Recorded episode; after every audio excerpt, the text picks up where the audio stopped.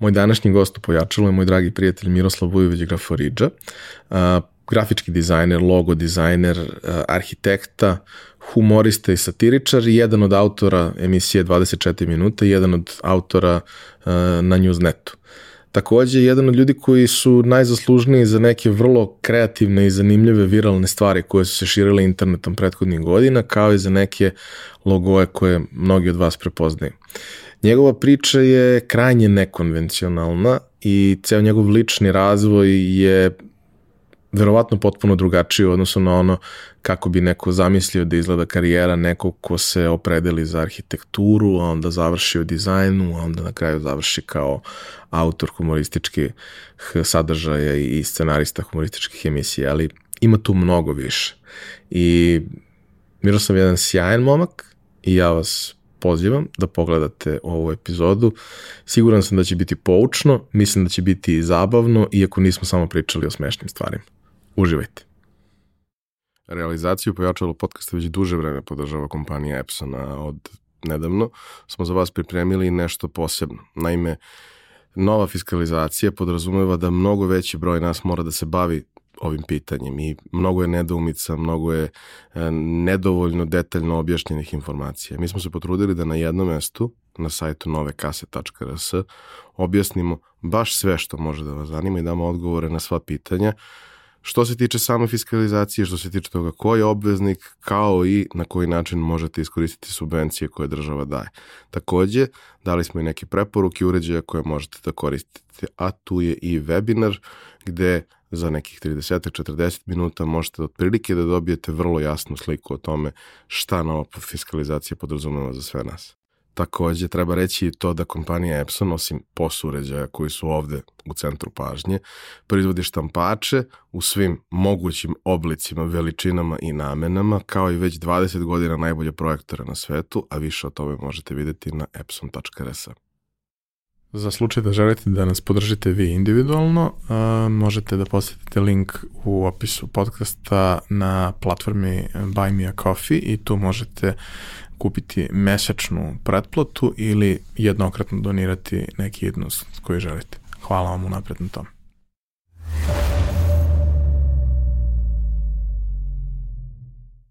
Kad sam pravio spisak na samom početku, uh, jedan vrlo zanimljiv lik je tu bio od starta i uh, u periodu kad smo pravili projekat moja firma, prvi intervju koji smo uradili za moju firmu, uradili smo sa njim.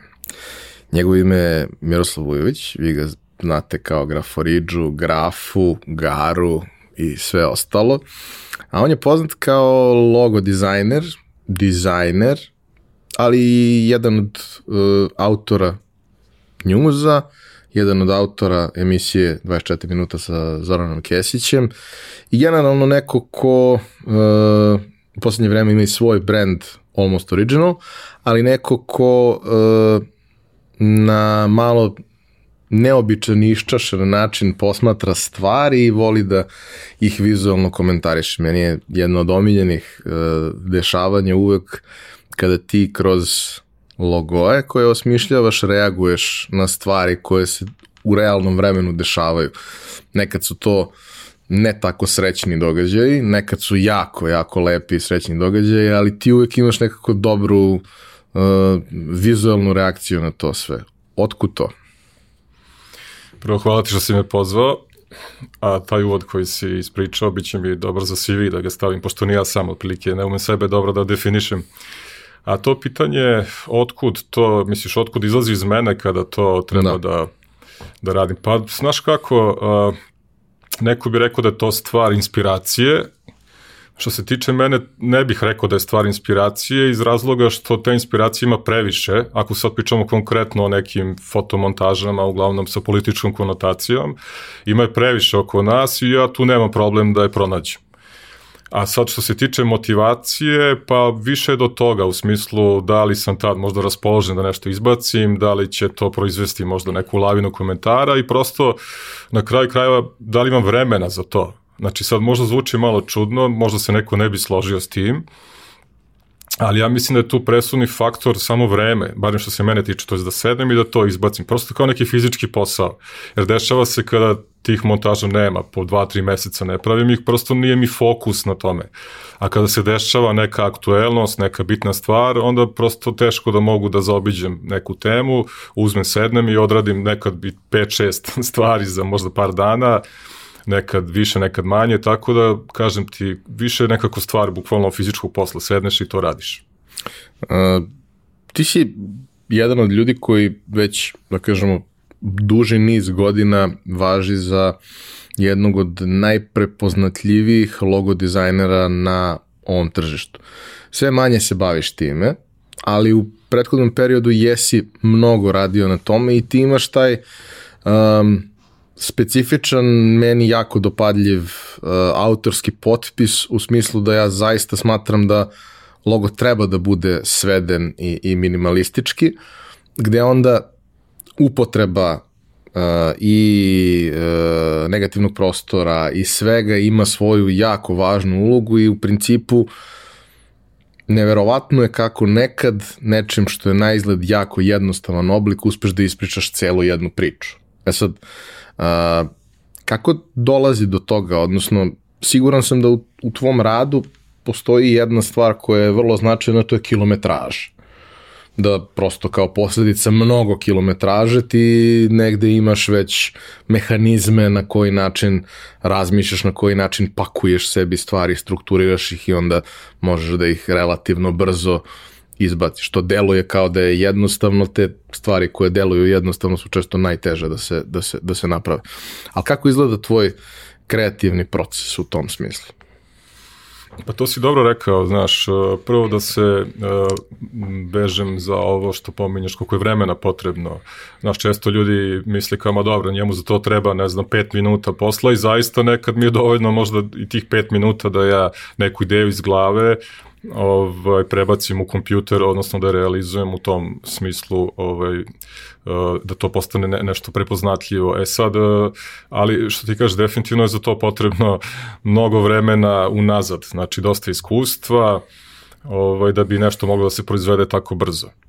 E sad, eh, odakle to sleduje, odnosno kako to uspevam, pa sad teško je odgovoriti na to pitanje, znaš, to je možda u domenu neke teorije kako se dolazi do tih stvari, ali uh, mislim da je to nešto što je deo mene, odnosno rekao bih da je to neki stil koji bih ja sproveo u ono što, uh, čime god da se bavim, mislim da bi na taj način i funkcionisao. Ja sam počeo kao, da kažem, arhitekta, te završio sam arhitekturu, bio sam jedno vreme i asistent demonstrator na fakultetu i tamo me profesor primetio baš iz razloga što su neki radovi bili nekako svedeni naš uprošćeni bez nekih da kažem previše detalja i onda se taj stil kasnije prenao i na dizajn koji sam opet igrom slučaja nekako u koji sam se, da kažem, uputio nekako sasvim slučajno, mogo bi to možda kasnije da ispričam kako pričat sam krenuo oko toga, tako je, ali način na koji dolazim, e, pa ne znam, kažem, to je teško, teško odgovoriti na to, kao i malo pre što smo rekli za ove fotomontaže, kao da je to kod mene postala stvar bukvalno motiva i nekog fokusa da to uradim, a kako izlazi to iz mene teško reći, ali uglavnom to jeste taj minimalistički stil koji ja zaista mislim da je nekako najbolji, odnosno što manje linija i polja predstaviti što više, mislim da je prava stvar. E sad to što se neki klijenti možda i ne slože s tim, što uvek žele nešto da dodaju, to je sad druga priča.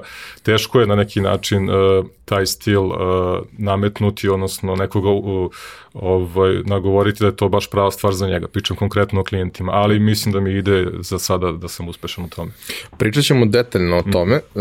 Pre nego što te vratim na početak sami krenemo onu našu hronološku priču, hteo bih samo jednu stvar još da te pitam, jer si se dotakao toga ovde, a iskustveno znam koliko je to meni interesantan fenomen, logičan je, ali mi je i dalje vrlo interesantan, a to je, a, postoji vrlo jasna korelacija između studija arhitekture i ljudi koji se jako lepo bave logo dizajnom. Mm. Šta je trik? Zašto je to tako? Mislim, osim što te ok, arhitektura te uči da prostorno razmišljaš, što je u suštini ono što radiš kada praviš logo. Ali jel postoji neki poseban catch, neki trik koji, koji je vezan za, za, za to?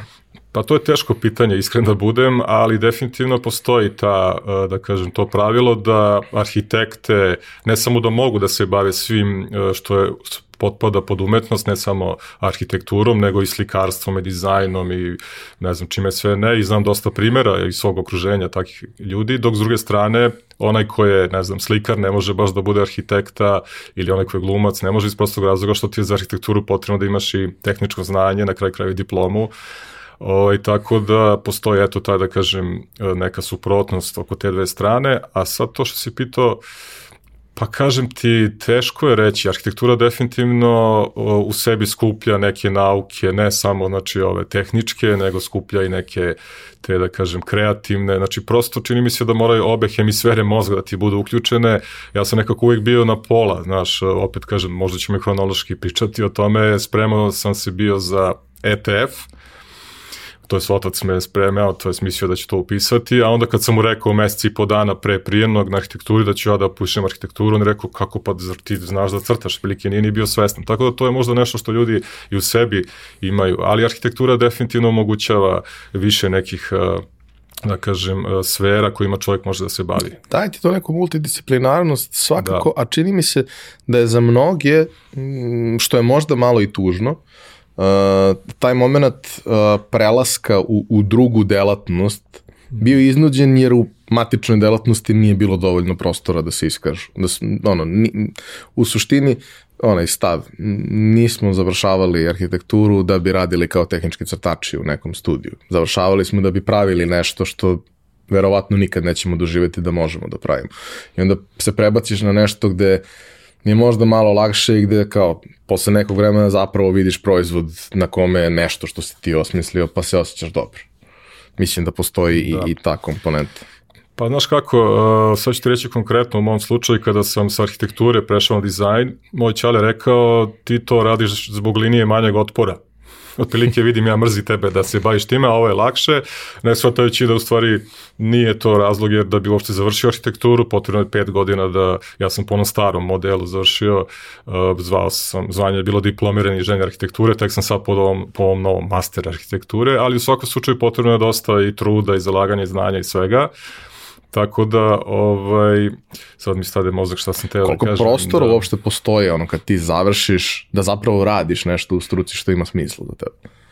E da, to, to sam teo da kažem. E, pa postoji ta komponenta nekog straha od e, gubitka posla, odnosno konkretno vezano, aj sad pričamo o zemlji u kojoj živimo svi. Znači, ja se često pitam šta bi bilo da sam ostao da se bavim arhitekturom, znači sad u ovom vremenu kada nekako svesni smo da gomila nekih projekata je ispod minimalnog nivoa e, kvaliteta, estetike, funkcionalnosti i tako dalje, da ne idem sad u onu priču ko sve tu gradi, koji su to pari u pitanju, šta se tu sve dešava, mislim da dosta ljudi već zna o čemu se radi i logično je da se mnogi, posebno mladi, razočaraju u struku a to je pogrešno. Ovaj, znači, opet kažem, možda ćemo o tome pričati.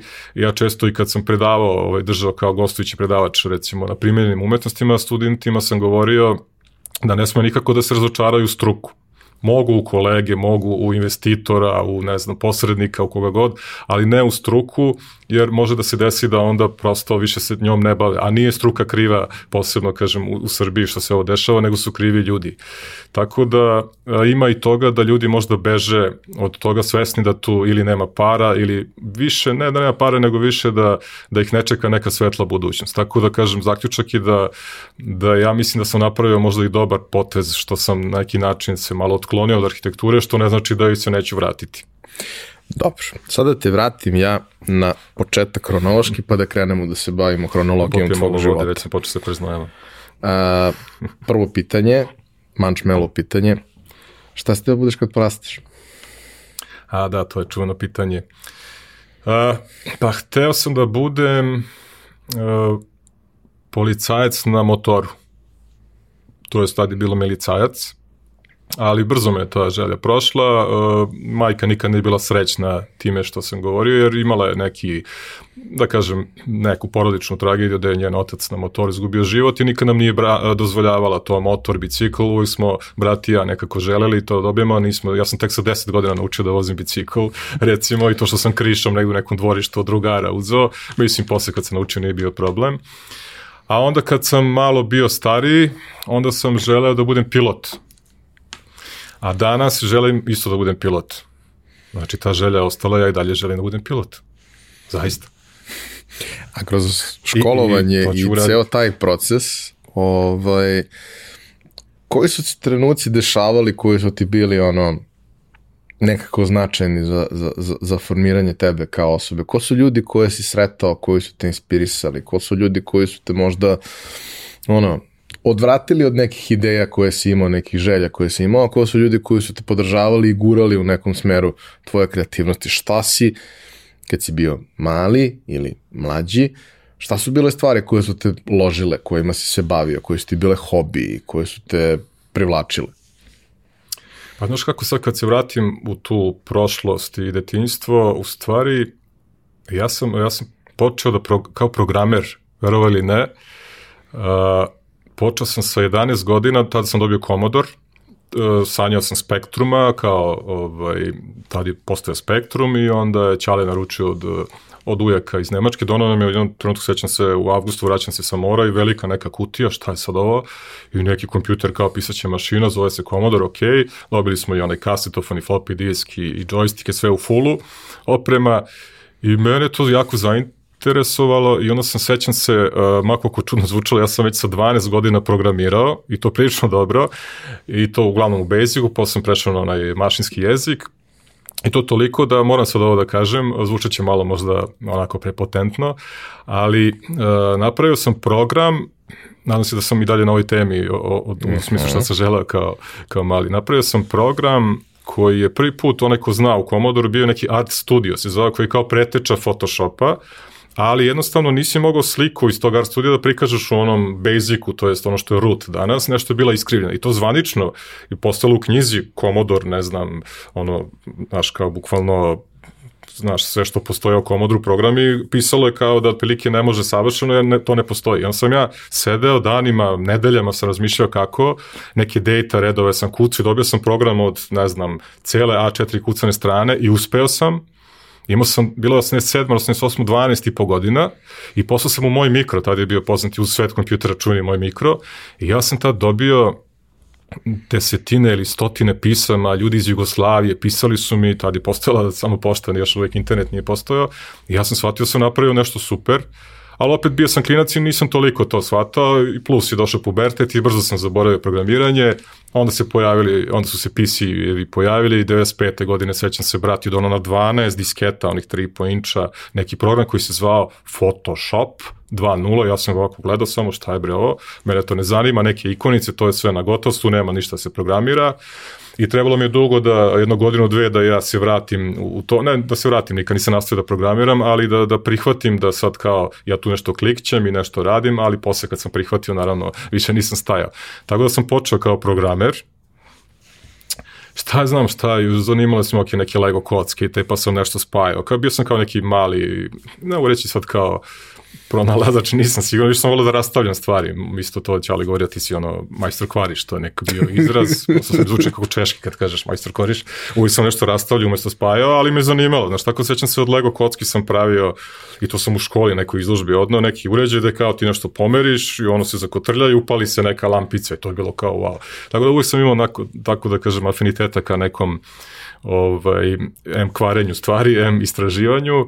I to je to otprilike. Kasnije došao taj dizajn, kasnije je došlo, došlo je ovo čime se sad bavim, a to je nešto što najviše ima veze sa satirom, to jest uh, ovaj, neki sarkazam i tako to, a da bih to uh, uopšte danas radio, isto da se malo vratim u prošlost, uvek sam bio nekako deo nekih, neke ekipice koja je tako bila onako malo šalje, uvek sam bio u nekom tom centru, znaš, kao neka ekipica i u osnovnoj u srednjoj školi i nekako tu se ovde formiralo to moje, da kažem, neko ovaj, interesovanje za, za ovaj, ajde taj da kažem, ovo čime se bavim, humor, satira i tako to. Koju srednju školu si išao? Srednju sam išao u 14. gimnaziju. I po čemu je pamtiš? Pa, pa mnogi je zovu, ne znam, kaubojska gimnazija. Meni to nikad nije, da kažem, e, pasovalo to ime. Možda su neke generacije pre nas bile takve, možda su neke paralelno s nama, neka odeljenja bila takva, ali konkretno naše odeljenje četvrto četiri je bilo specifično, kažem ti, imali smo tu grupicu naš četvorica, zvali smo se Gimp, Gara, Igor, Mirko, Pera, ja sam ovaj prvi na G, i onda smo pravili neke kao časopise, kao ovaj, ono, umesto Photoshopa, ta, seku sam, sekli smo naš, fotografije sa ekskurzije makazama, pa smo montaže pravili naravno u nekim erovskim, iz erovskih časopisa, pa su jedno čekali, izađe vrući gim, smo imali ovaj, recimo kao ovaj, neki specijal i tako dalje, svašta smo pravili i onda je to zabavljalo ljude, tako da pamtim po tome, po nekom, da, da kažem, bezbrižnom detinstvu, I to je to otprilike. U nekom periodu dosta nakon što, što je tvoja generacija otišla, a možda je to bilo i u, vreme kad ste vi išli, ovaj, osvano je grafit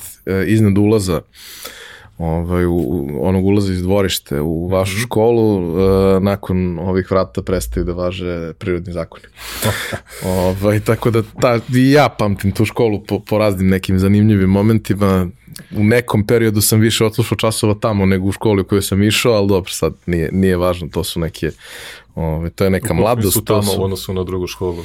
Kako? Ja nisam išao u 14. ali Dobre. moja devojka jeste. Aha, pa sam ja često, okay. kad imamo ono, ili praksu ili nešto gde ne moram da budem prisutan, ja zapalim sa mojih časova i ovde mi slušam, pitam, jel mogu ja da slušam latinski i sedim u zadnjoj klupi kod debili slušam latinski. Mislim, A ništa mogu ja da odgovaram, samo jel mogu da... Ne, ne, bilo je ono kao, ako treba nešto, ono kao naš fizika ili tako nešto, kao daj da sufliraš nekom nešto, potpuno je to bilo drugačije, jebi ga kod nas koji smo ono bili robotičari u odnosu na, na, na ove sa, sa društvenog smera iz gimnazije. Ali A dobro. kako ti pamtiš onda 14. da pitam ja tebe? Pa pamtim je po tome što, što je ono, uh, imala je uh, nove koševe u, u dvorištu, što je meni lično mm. u tom periodu to bilo jako važno. Mog, Ma, da, po, posle tvog, da. posle tvog.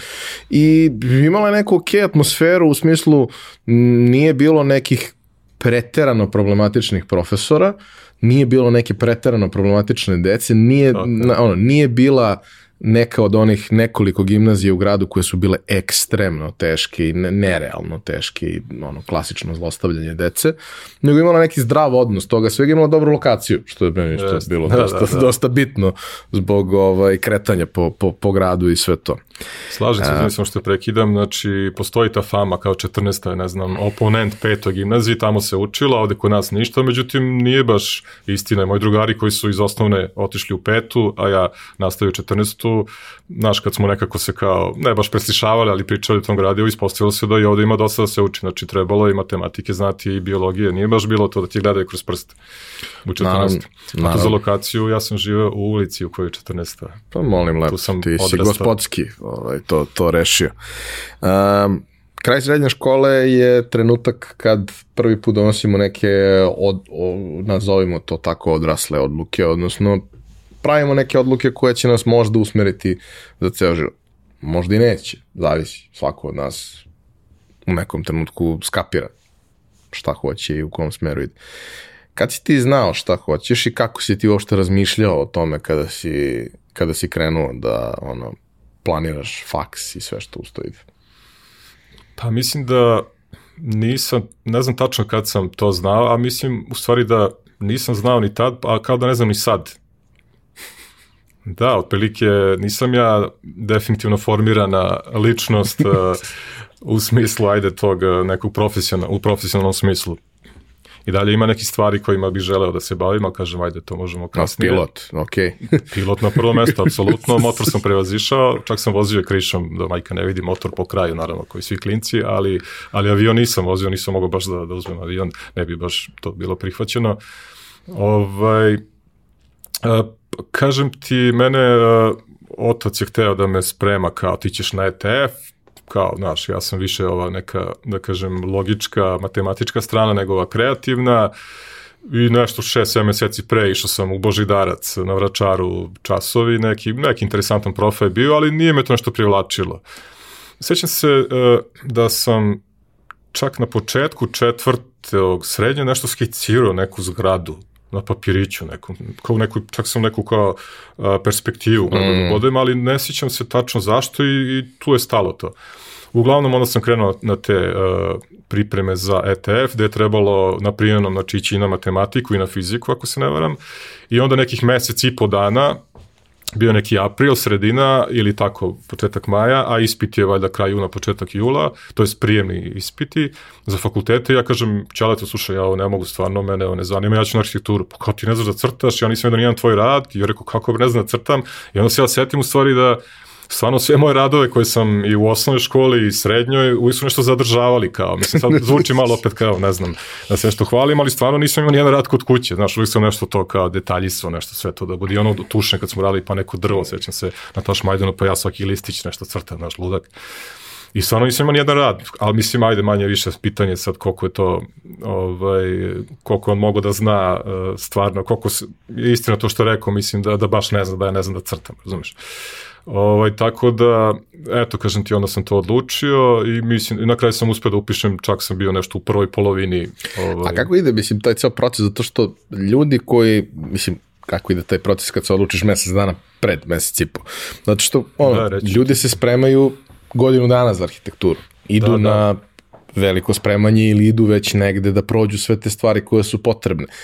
Kapiram da ono, kad imaš inženjerski mindset i umeš da crtaš, relativno lako ti dođe i perspektiva i sve ostalo i ti dođeš u poziciju da možeš da, da ono položiš sve to, ali kao nije to baš uobičajan način. Pa nije uobičajen, posebno što uh, za arhitekturu na ispitu trebalo je dva dana je polagati, jedan je uh, bio test koji je nosio recimo 40 poena, a crtež, odnosno crtanje je nosilo 60 poena, isto ceo dan 5 sati crtaš.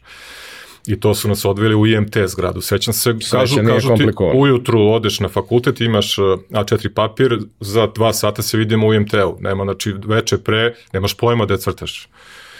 I ovaj, i kažem, jako je naporno i fizički, znaš. E sad, to što kažeš za spremanje, ipak sam ja hteo i malo da, da vidim kako to ide sa spremanjem i upisao sam u Šumatovačkoj, bila neka škola i išao sam tamo, ajde, možda tri nedelje, mesec dana maksimum i sećam se ljudi oko mene koji su tu negde od septembra, oktobra, od prošle godine, znači skoro devet meseci, I ja onako prilike sav uplašen kao oni se spremaju, crtaju, međutim sećam se ja kad sam već nacrtao neku neka figura, ne znam, nekog Apolona, onako već je to delovalo dobro, mada nešto tu profesor počne da mi briše, sećam se malo mi iznervirao, znaš, valjda on nije to video ka, tako dobro kao ja.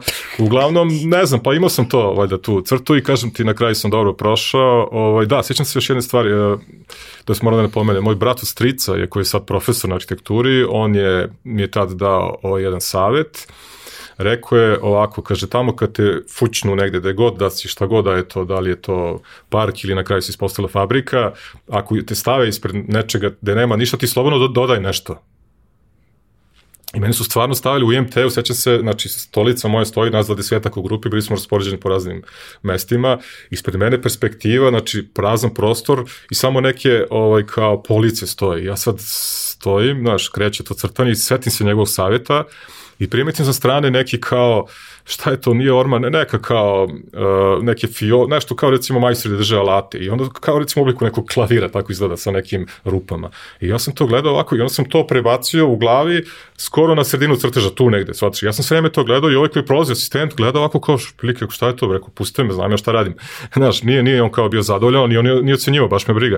Ja sam u glavi sve to pomerio u perspektivi ispred sebe da bi imao neki detalj da crtam. I onda sam to, plus sam se setio tog savjeta da uvek nešto osenčim negde malo jače i na kraju sam dobio 8,5, što je super ocena od 10, a ovi ostali koji se spremali, mislim da je maksimum bio 4 poena, većina ih je dobila 2,5, 3, jedna mislim drugarica dobila 4, ne znam kako su to izveli, mislim da su zasluživali više da ne bude sad da sam ja tu nešto da se kao hvalim, ali eto, dobro sam prošao na tom crtanju. Uh, studij arhitekture, m, bilo nam je nekoliko ljudi ovde koji, koji su ih završili, bave se danas različitim profesijama, neki od njih se i bave arhitekturom u nekom obliku, ali svako je imao neki svoj pogled na to i generalno je nekakav, mogu da kažem, pozitivan sentiment sa, sa tih studija, u smislu samih studija, kasnije profesija je druga priča, ali uh, da su da je atmosfera na fakultetu bila dobra, da je bilo dosta profesora kojima je bilo stalo da ti zapravo nešto naučiš i da dobiješ neke prilike, da je bilo dosta uh, situacija u kojima možeš i da iskažeš svoje mišljenje i da se dokažeš. Da, naravno, to se menja iz generacije u generaciju. Mi ovde pričamo o različitim generacijama ljudi koji su prolazili kroz to. Uh, ti si malo stariji od ovih koji su bili, ne mnogo, ali kako je to izgledalo u tvoje vreme? Evo sam je malo teže da se prisjećam nekih... E, trauma iz detinjstva. Ne, trauma, nego tih nekih uh, vremena koje sam malo zaboravio, ali ja sam kako mi postavljaš pitanje, tako se sećam prva stvar koja mi je pala na pamet jeste to da sam ja upisao godine kada je krenula hiperinflacija. Mi nismo imali grejanje na fakultetu, sedeli smo u jaknama recimo, u amfiteatru, nije to sad trajalo sve vreme studija, ali barim te prve godine sjećam se da je bilo prilično nezgodno, plus morao si da nabavljaš tad rapidografe, nije bilo ni njih, ajde Ćale je završio građanski inženjer, pa sam neke njegove stare uzeo i tako dalje, bilo je snalaženje, kopira i ovo ono, znači ipak je trebalo malo snalaziti se, ali sve u svemu ostalo mi je u lepom sećanju, naravno, mislim, i studenti, to jest kolege, drugovi, predavanja su bile interesantne, naravno bilo je i onih nekih dosadnih gde nismo baš išli i to me uvek čudilo zašto ti profesori to predavanje ne osmise malo bolje. Znaš, ja sad kažem ti kada sam kao gostujući predavač na primenjeno ili u nekoj školi, bio sam u Paraćinu i tako dalje, imam poziv iz arhitekturu, jedva čekam iskreno, ja već imam osmišljeno nešto u glavi kako da te studente animiram, znaš, da to ne bude dosadno predavanje, nego kroz neke radove, što manje priče, što više, recimo, kroz logoje, recimo, da pričamo o sebi, a ne, a ne ja sam i tako dalje, recimo, mislim da je to moglo malo da se popravi u tom smislu. A samo studiranje je bilo, kažem ti, interesantno, bili smo podeljeni po studijima, mislim ih je bilo 12, ja sam bio kod profesora Milana Lojanice, koji je akademik, mislim da je on posle Ive Antića jedini arhitekta uh, akademik, Uh, onda šta sam te, da, i na kraju, eto, desilo se, bio sam četvrta godina, 22 godine. Ja sam inače godinu dana ranije krenuo i u osnovnu i u srednju, tako da sam i na faks krenuo sa 18, tako da sam sa 22 godine već postao asistent, što spada u neki, da kažem, ipak nešto mlađe asistente, čini mi se, ovaj, u to vreme. I što, zašto hoću da ti kažem? Uh, ipak, uh, čini mi se da na, u sam, vežbe su bile glavne po tim studijima, znači da smo radili projek, sintezni projekat se zvao to ono što je projektovanje sad, 1, 2 i 3 su bili po godinama i uglavnom mi se činilo da ima asistenata koji hoće da ti naravno pomognu, ali ima onih koji malo hvataju krivinu, profesor je bio sjajan naravno, ali on se baš ne pojavljuje često na vežbama, sjajan ima predavanja i tako dalje. Što ću ti kažem, kada sam ja postao taj asistent demonstrator, znači još uvijek nisam bio diplomirao, ali, ali sam držao studentima vežbe i čak na kraju sa profesorom ocenjivao radove, to mi je ostalo u lepom iskustvu jer su da li zato što sam želeo da se pokažem ili prosto sam takav, ali sam nekako stvarno želeo sa svakim studentom posebnom da pričam, dosta sam se duže zadržavao tamo, bilo je situacije da su ljudi bili stariji od mene, prvo što sam ja krenuo godinu dana ranije, a već sam držao četvrtoj godini, znaš, automatski ta, ili su bili stari, ili neki koji su kasnije, koji su upisali po više puta, probali da upišu, pa su te kasnije upisali arhitekturu, oni su svakako bili stari od mene. Tako bi bila čudna situacija, ali po neko je bio, ne svi. Tako da ovi mlađi, uglavnom sećam se da, da su bili nekako zad, uvijek su me zvali, ajde kao da mi malo pomogneš tu i tako. Tako da to je jedno lepo iskustvo bilo.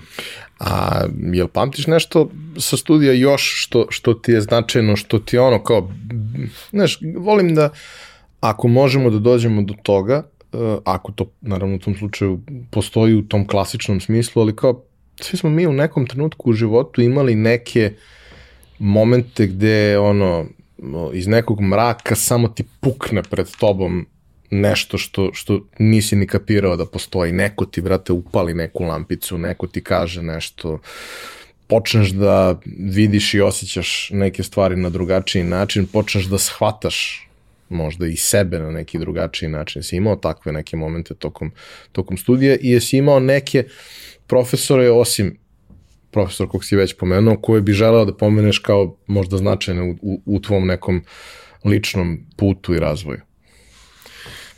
Pa nisam sad nešto zapamtio u tom smislu, ovo prvo što kažeš da je to, da su to bile neke prekretnice u mom životu. Znaš, Evo, kad je sam... došlo grejanje, sigurno je bila Da, da, sećam se da sam prestao da pijem kafu tad, recimo, smetala mi je, do fakulteta sam nešto i pio, onda sam prestao, toga se sećam. A, sećam se recimo da sam tu isto pokazio naravno znake da kažem, nekog svog ličnog ludila u smislu da e, sećam se kada smo radili na prvoj godini e, iz urbanizacije, e, imali smo ogrom, trebalo je na 100 puta 70 radu da napravimo da napravimo rad sa nekoliko listova ja sam predložio, po troje nas je bilo u grupi, kao ajde stavimo muzičku čestitku, kada otvoriš ono, ono svira, znaš.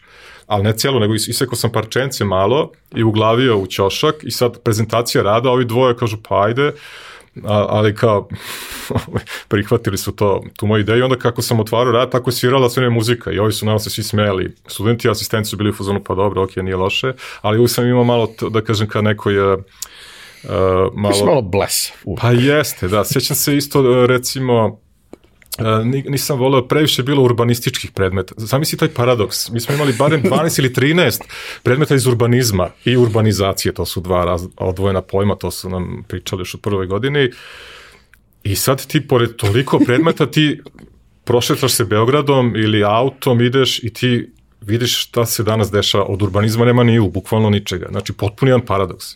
Na svakoj godini smo imali po dva, tri predmeta iz urbanizma, što je sve super, ali to je danas potpuno neprimenjivo u praksi u smislu da ja mislim da su najveći, da kažem, uh, ljudi koji najviše mrze Beograd, koji su najviše doprineli uh, de, dezurbanizaciji, kako se to kaže, Beograd, su ljudi koji sede po nekim tim uh, zavodima, koji odobravaju dozvole za uh, razno razna čuda koje se grade, a oni su sigurno morali da završe neki ovakav fakultet i da se dobrano bave urbanizmom. Tako da bilo je mnogo urbanizama i čak sam jednom, sećam se, promenio naziv umesto urbana, struktura i zoniranja, ja sam ubrana nešto surutka, nešto sam napisao i onda je profesorka pred svima u amfiteatru rekla, ajde vidi da vidite kako je on moj predmet nazvao i pokazala se, naravno svi se smejali, podržavali su, malo ona prilike nije se to dopalo, ali meni je bilo muka više od urbanizma, to je bilo posljednja godina i bio sam u zonu ljudi, nemojte više urbanizma i bio sam u pravu, evo, gde je urbanizam danas, pogledajte, šta imamo u tog urbanizma, bio sam u pravu, molim te. Uh, cela ta tvoja generacija sa, sa kojom si studirao i ljudi kojima si i, i, i predavao, um, da li znaš gde su oni završili danas? Da li su ono mahom otišli odavde ili su i dalje ovde i, i koliko njih uopšte, da ti znaš, mm -hmm. se uopšte bavi strukom? Pa od ovih mlađih kojima sam ja kao, ajde kažem, i držao vežbe, ne baš predavao, uh, šteta ne znam ih mnogo ponekad nekog sretema, voleo bih zaista da saznam gde su i šta rade, a od ljudi koji su, da kažem, iz moje generacije, od kolega, poznam dosta njih, većina ih, njih se ne bavi arhitekturom, to je definitivan odgovor, pod B, moj konačan odgovor. Znači, ne bave se arhitekturom, uh, bave se ili, eto, dizajnom ili nešto slikaju. Ok, neki interijer, recimo, tu i tamo završe. Recimo, paradoks je da mi, uh, dok sam ja studirao, nije bilo interijera na arhitekturi. Znači, nije postao predmet koji se zove interijer. Tek se pojavio u četvrtoj godini ili petoj, zaboravio sam, uh, kao izborni predmet. Ali, znači, ti za tih četiri i po godine, devet semestara nemaš interijer, recimo. Interesant. Tako da, kažem ti, čini mi se da ih je manje u arhitekturi i čini mi se da kao i, kao i sa svim u zemlji da je uspe samo onaj koji se snaša u smislu da je uspeo negde da uleti u neki biro, ajde da kažem, koji je možda bliži nekim izvorima finansiranja pri gradu ili republici, a svako ko je išao na, u neke, da kažem, uh, manje biroje projektantske, privatne, mislim da se i dan danas muči, da je to neki nivo koji nije za njega zadovoljavajući, ne samo u smislu plate, nego nekako generalno. Tako da mislim da još da dosta ljudi nije uspela da pronađe sebe potpuno. Zato sam ja i otišao na, na drugu stranu od arhitekture, odmah sam hvatao neku alternativu. Uh, u trenutku dok ti studiraš, većina stvari, ako ne i sve, ti ćeš mi reći, uh, su analogne.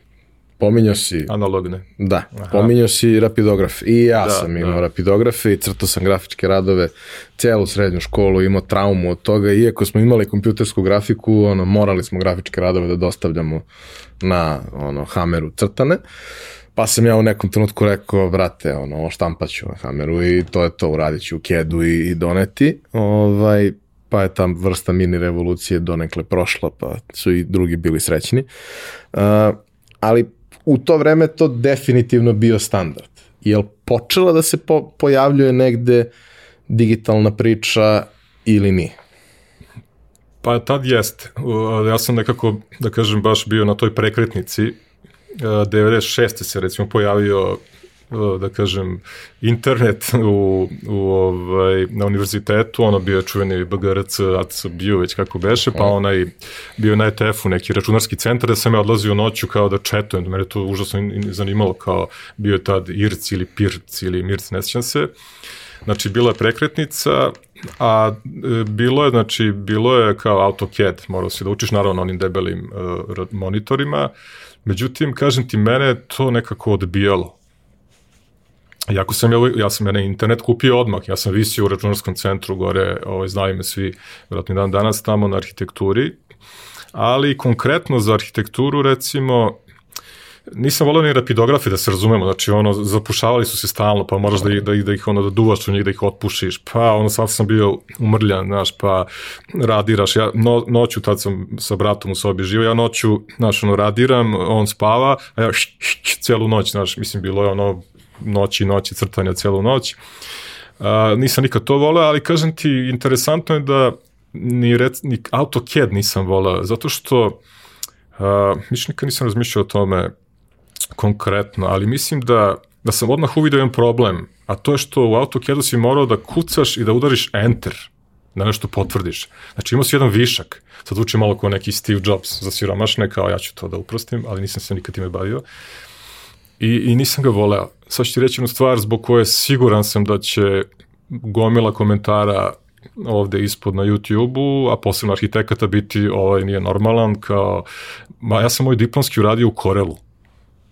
Dobro, i ja sam neki grafički radar radio u Corelu. Da, zato što sam, tad sam Corel, posle sam naravno prešao na Illustrator i sve, ali tad je nekako Corel tek zaživeo. Zlatni standard, 20 Tako godina bio. A naravno, on mi je omogućavao mnogo više. Ja sam u Corelu mogao i, i fontove da smanjujem, povećam, da nešto god hoću, shvataš. U CAD-u, ok, bilo je šta Znaš, da znaš kako sam ja to, kad su me pitali prvi put, pošto ne, ne vidi se, nađeš adekvatan font, nađeš sve to, izgleda kao da je rađeno u CAD-u, iako nije. Kao, a što si, pošto sam znao CAD, što si radio u Corel? Pa beo papir. Bravo, e, to je tačno, da, da. Kao, jer jednostavno, ceo taj Bravo. obrnuti moment koji imaš u CAD-u, ja sam CAD obožavao iz jednog, samo jednog razloga, a to je što te neke gomila tih nekih prostih oblika koje smo mi radili kao mašinci, ja ne gledam šta radim, ja samo kucam. Znači, ja bukvalno isprogramiram to u 30 linija, pogledam i to je to. Znam tačno, ko, ko u Basicu. Ono, 10, da, da. 20, bukvalno isto je. Ali, brate, to nije crtanje. Znaš, kao nama se predmet zvao kompjuterska grafika, e, ako Upravo je to. to grafika, onda, mislim, znaš, Upravo to što kaže. Meni je bilo čudno da ja sam morao nešto, jako sam, da kažem, poniko iz onog programiranja, ali sam već odavno ušao u neku, neko, da kažem, uprošćavanje ovaj, forme u smislu kao crtam, imam miš, imam, mislim, programe za to. I sad ja opet treba što da kucam da bi nacrtao plus to kao u negativu, kao čekajte ljudi, kao ja vidim crno-belo, to jest naopako belo na, na crnoj podlozi, kao meni to bilo nelogično, a lepo Corel ti nudiš, ti kaže belu podlogu koja je bilo mnogo uh, logičnija. Tako sam ceo diplomski nacrt, ali niko nije primetio.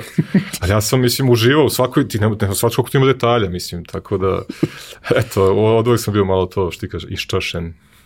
Uh, ok, uh, faks ostavimo po strani, diplomirao si, šta je bilo onda? Mislim, uh, u kom trenutku u paraleli sa faksom ti krećeš da, da, da se baviš grafikom na neki način?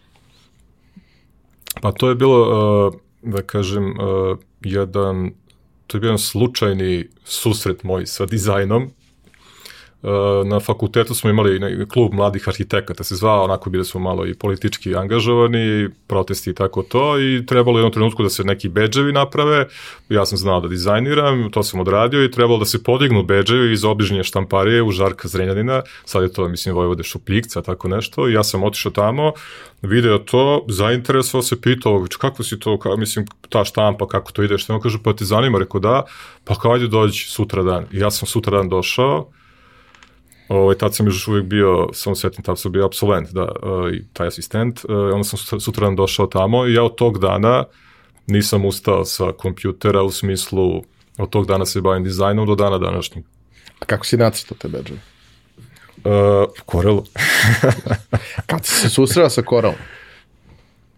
Pa ne sećam se tačno, DDS neke, apostol me, ovaj, poznanik naš, Tvoj zajednički, kum. tako je moj kum, jedan od šest kumova. Uh, jedan od omiljenih mojih kumova, on me tu, na to uputio i meni se dopalo ta uprošćenost. U koru dan danas me to privlači kad, kad nešto brzo treba se odradi i meni je to bolje nego ilustrator da moram da cinculiram i tako dalje. Mislim da ne ulazim sad u det, detalje i da ne izazivam ponovo komentare ne, ovde. Mislim, ja ću iskreno to reći, ono, svi smo se mi prešaltali u nekom trenutku kompletno na Adobe Suite jer je to postao industrijski standard. I Naravno. način na koji je Corel izgledao, ajde nisam ga dugo video jer za Mac nema, ja sam više više od 10 godina na Meku, ali način na koji je Corel izgledao je ono starovremenski. Slažem. Ali to što je radilo, je radilo savršeno. I to je bukvalno bilo kao, nema popravljate ništa. Ovo je sve već kako treba i bio je za neke stvari fantastičan. Sad kad mi neko pošalje CDR fajl, hoću se izbodem. Da. Ali hvala Bogu možeš da ga konvertuješ ono online u neki Može, PDF, PDF, u appsu, odlično, šta god da, i da. onda možeš da ga otvoriš u nečemu drugom i, i, i, i da radiš. Ali jedno duže vreme to zaista bio industrijski standard. Dobro, znači ti si se tad zainteresovao, imao si prilike da vidiš kako to izgleda kad neki ljudi rade neke, neke stvari Da. i uh, imaš faks, imaš tamo taj deo koji, koji radiš kao asistent, demonstrator. A šta ti je bio prvi posao? Pa to.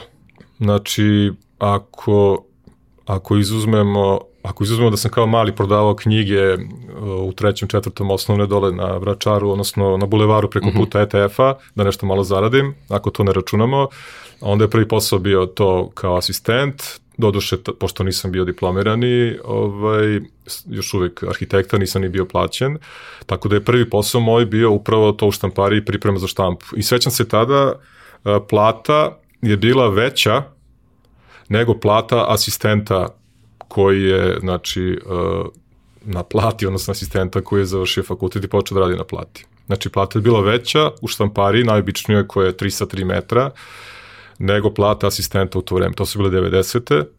To nije, da kažem, to nije odlučilo moje, ovaj, moj poziv čime ću se baviti, nije to prelomilo, definitivno, nisam ja od onih koji sad pare su mu najbitnije, uh, ali prosto sam želeo eto, da istražem još neku oblast uh, iz, da kažem, tog celokupnog umetničkog uh, opusa svog, recimo, eto, da, da izučim i to. To, to mene karakteriše da, da pokušam više stvari i tu se još uvijek nisam zaustavio. E, taj jedan moment, znaš, kada neko iz tog perioda naše mladosti, formiranja, učenja toga svega, kad ti kao 90-ih kreneš da se baviš nečim, ti u suštini nemaš odakle da učiš. Odnosno, Da, imaš da, da, vrlo mali broj knjiga koje su ti na raspolaganju, mnogo se puta dešavalo, bi si meni se dešavalo x puta da neko ima nešto, pa mi onda to fotokopiramo, pa ti onda iz toga učiš, pa ne isfotokopira kako treba, nego neka strana bude savijena, pa šta fali ono na ovoj strani i tako dalje. Da. A imao si mnogo manje ljudi koji su mogli nešto da ti, da ti prenesu i mnogo njih je bilo jako uh, jako priučano u svemu tome što radim. Su naučili taman onoliko koliko su morali da bi nešto mogli da završe što njima treba, ali to niti je bilo dobro, niti je bilo ispravno. Znaš, ono, mnogo stvari, ja se sećam iz tog perioda, pošto sam se i ja nešto igrao, pomagao ocu, malo se igrao sa dizajnom, imao i ja Corel i znao sam da napravim ono bazičnu pripremu za štampu na A4 sa svim tim. I ja sam stvari radio od prilike. I to je bilo kao dobro, brate, imam, znaš, ono, 11 godina, nema veze, radim od prilike. Onda sam skapirao da nisam jedini koji radi od prilike, nego da gomila ljudi to u tom trenutku radi od prilike, jer ne, ne zna kako se šta radi. Da, da. Kako si ti učio? Kako si se usavršavao? odmah da kažem, razotkrio si me, moram to da priznam. Ja sam u stvari, uh, kako kažem, naturščik, dizajner. Znači, priučeni dizajner, definitivno. Tako da sve ove neke nagrade koje sam dobio sad, vratno će, morat ću da ih povučem. Ja sam stvari kao neki obrnuti Nema Louis, veze, i Louis Slavimir je dobio sve nagrade pre nego što je diplomirao, Ko? tako da to nije problem. Ko? Slavimir. A, Slavimir, da, da, futra.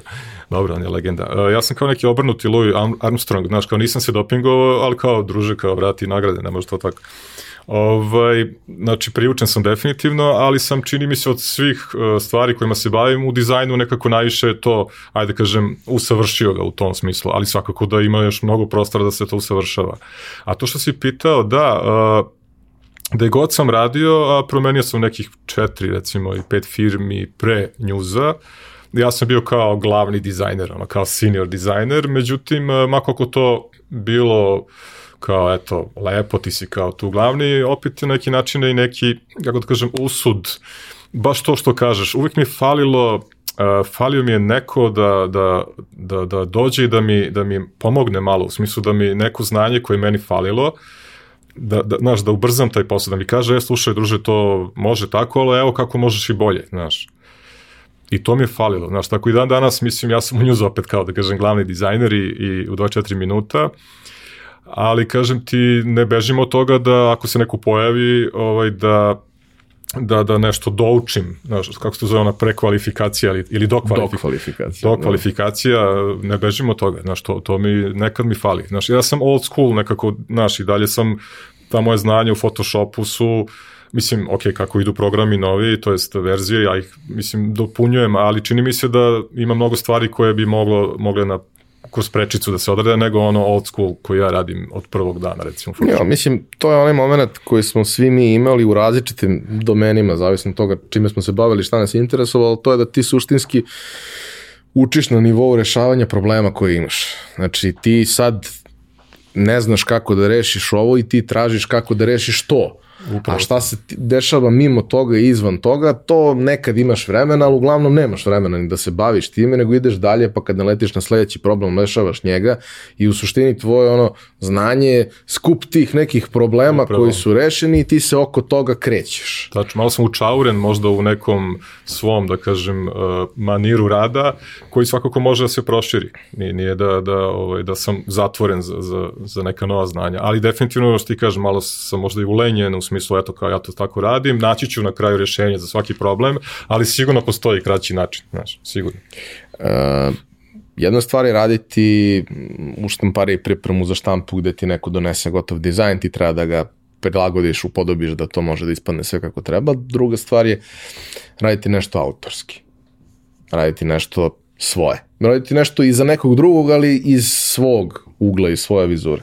Šta je bila prva stvar koju si ti uradio osim bedža?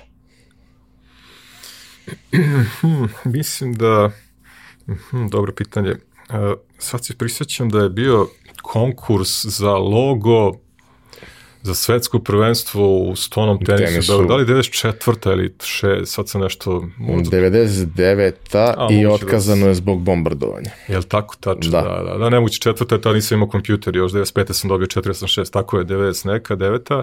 I sećam se da sam tad uh, kao to nešto. Pobedio neki vrabac sa reketom, to se seća. Stvarno, da. A ja sam imao ideju golub, kao pingo sam ga nazvao, ping pong pingo, pingo nešto i posjeća, kao telo njegovo je reket, loptica je glava i kao mrežica su krila, toga se sećam. Već sam tad, u stvari da, to je možda bio moj prvi neki, da kažem, ulazak u neki, možda tad nije baš bio minimalizam, ali u, eto, u to čime sam se posle bavio tim logovima.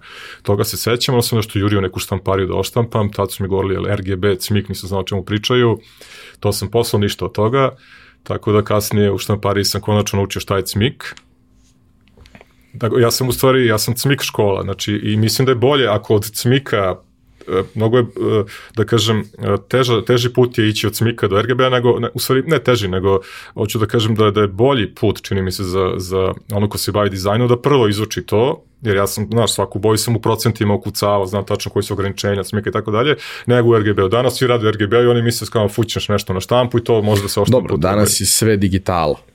Zato što je jeste, digitala postala besmisleno i jeftina. Jeste, ali ako neko dobije, ako na ekranu vidi neku fluorescentnu ili zlatnu boju, on misli sad će u štampi, na pljuckavcu ili ne znam na čemu ispasti ista ta boja. Mislim, to teško, znaš. Naravno, na, pa mislim, situ, možda. to je ono, to je neko malo drugačije vreme bilo i ja i dan danas kažem uvek ljudima kad krenu sa tom pričom da je digitala super, jeste digitala super jer ti daje gomilu mogućnosti, ali ja i dalje najviše volim majice koje su oštampane na situ zato što su iste posle pet godina. To, A ne da. postoji digitala koja je ista posle pet godina. Jednostavno ne može, ne može biti. Tu se slažem. Ovaj, uh, nakon tog posla u štampari, rekao si da si promenio nekoliko firmi da si se da. bavio različitim stvarima. Koje su to bili poslovi? Pa prvo je bilo jedna firma koja je uh, prevaskodno bila kao ekonomska, odnosno konsultantska, ali imala je ideja za marketing i tad smo, osmislili smo u to vreme je to bila najveća nagradna igra, ja mislim čak i u ex-Jugoslaviji, Free Kombinujte, uh mhm. -huh. jedna gospođa, ja to mogu reći, ona je uh, supruga Buleta Goncića, s njom sam tad radio i zajedno smo nešto smišljali kombinacije Free Free, ona, ona je tu nešto to na kraju osmislila, ali nekako smo eto kao to smišljali i na kraju ta nagradna igra je uh, tu osmišljena. Ja sam radio dizajn i, i u tom timu, bilo nas je dvoje, troje, jer toga se sećam. Posle sam otišao iz te priče, uh, dobio sam ponudu za neku firmu koja je bila iz, izdavačka, bavila se VHS uh, ono, izdavaštvom, to je tad sam počeo da radim omotnice za filmove, pa sam onda prešao u DVD, u novu firmu koja se bavila DVD izdavaštvom, tu sam pravio neke omote koji su, da kažem, ostali kao uh, omote za kultne filmove, Koton Opera, Maratonci, Sabjeni centar, uh, gomila tih domaćih filmova, e, ali tu bih mogao nešto samo da, da dodam, uh, šta, šta, šta mi se čini da sam ajde kažem, možda ne prvi osmislio, ali kako sam rešio, ako već pričamo o ovom rešavanju problema ovaj, nas, stare škole, Uh, pošto tad uh, sve je bilo nekako, sve je bilo na traci i sve, sve je bilo, da kažem, nije bilo digitalizacija još uvijek i sve je bilo jako sitno. I ako uradim screenshot, recimo, ne, nečega iz filma, kod to peva, ja dobijem sličicu malo, ne mogu ništa sa njom da uradim. I palo mi je napamet, čekaj, ajde da uradim sledeću stvar, ajde da, da spojim ilustraciju i screenshot. Nikad neću zaboraviti omot DVD-a za Radovana trećeg. Radovan treći je taj čuveni, tako je, ja sam ga osmislio, ali da budem iskren, na nacrt toga je moj prijatelj, jedan Željko ovaj, Matijević, mislim se preziva, uh, mislim, zašto je on iz neke prethodne firme, jako se bavi ekonomijom, on je, on je ovaj, bio dobar crtač, njega sam zamolio da nacrta, ali eto, osmislili smo to, Znači da, ja nisam mogao da razvučem screenshot Radovana, na, jer to je muljavo, nego sam rekao čekaj čoveč, ajde nacrtaj ti meni preko screenshota Radovana, pa ću ja sad u Photoshopu 50-50%, pa da dodajem neki gradient man, plevac i tako da ne smaram ljude. I na kraju smo dobili to rešenje koje po mom mišljenju bio dobar kompromis, Tako da, tako je urađen i Kotonal peva, Sabini centar sam nešto buđio i sličica, maratonce sam malo osvežio neki stari, e, bila je bio neki poster pa sam ja to malo osvežavao kroz neke gradient mape i tako, ne znam šta, nacionalna klasa nije baš ispala idealno, nešto sam svetsko. Mislim, ceo taj stil tih omotnica možda nije ono što ja volim, taj minimalizam, ali prosto tad je trebalo to da bude malo šareno, privlačno. Pa dobro, da, to je da. komercijala. Tako je. I to je bilo onaj, onaj neki period kada su te sve stvari bile dostupne na svakoj trafici.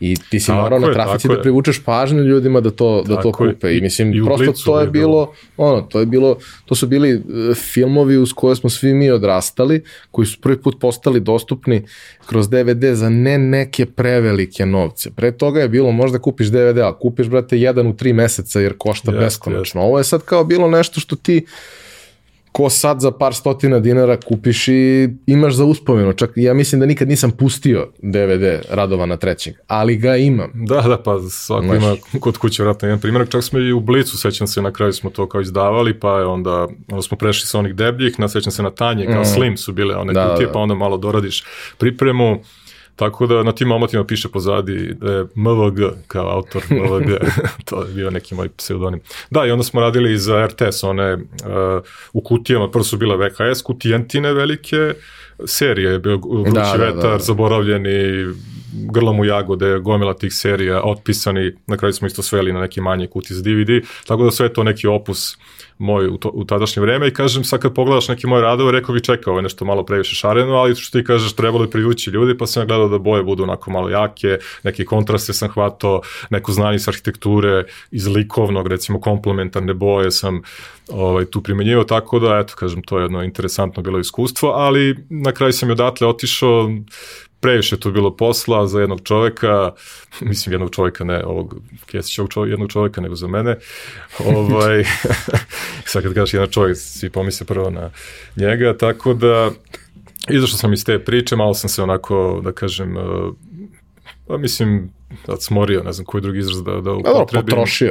Potrošio sam se, tako je, tako da sam bio u nekoj mini depresiji, jedno dve i po godine, teo sam da zaboravim uh, ono što sam pričao malo pre, što studentima kaže nemojte se razočarati u struku, ja skoro da se jesam razočarao, posle sam shvatio da to ne treba tako, znači ok, razočarati se, kažem, čak i u poslodavca i u klijente i sve, ali ne u struku.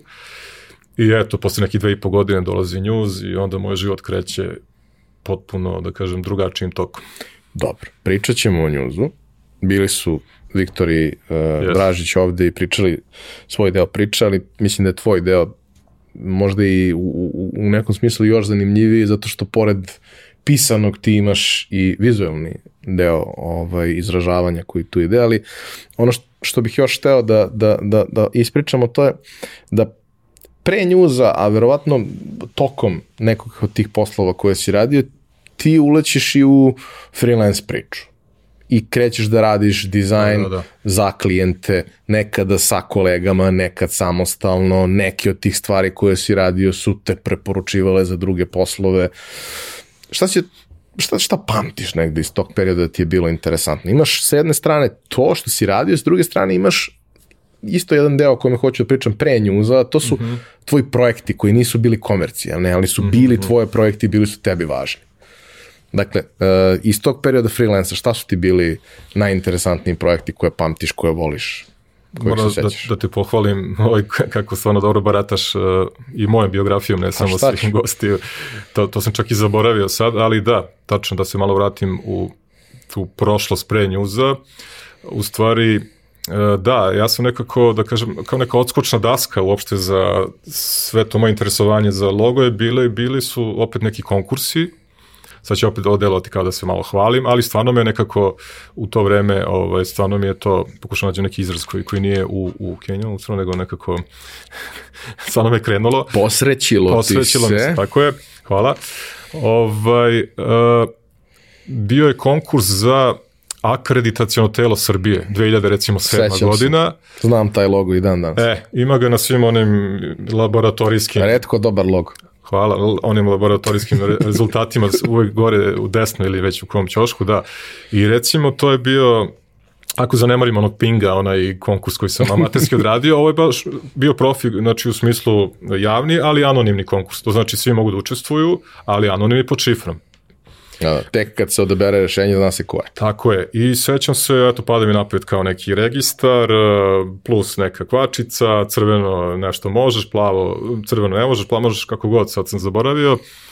A mislim kao i, i, i bio je onako flat dizajn, ali i 3D moglo da se tumači i tu sam dobio prvu nagradu bio sam van sebe kao otprilike da li je moguće i sećam se nagrada je bila prilično dobra, mislim 2500 evra, to je, ja mislim, do dan danas moja, da kažem, naj, najveća cifra koju sam dobio za neki logo. Ovaj, I tu je neko krenulo, čak je morala i konferencija za štampe da se održi tamo u Palati Federacije, tu je bila agencija, onako sveća se, malo sam bio zbunjen, dolazio novinar i pitao me, ja sam neki tu kao, nisam ni klinac bio naravno, ali kao prvi put imam, znaš, kao tu ovaj, obavezu da se obraćam, čak i ne, nije ministar, neki zamenik ministra je tad bio ne, i tako, naš prilično onako bilo malo stres, stresno. Sećam se taj dan je bilo 38 stepeni, gdje je bila mi mokra košulja. Ovaj, Pošto su oni uvek imali dobro, dobru klimatizaciju. Katastrofa, da.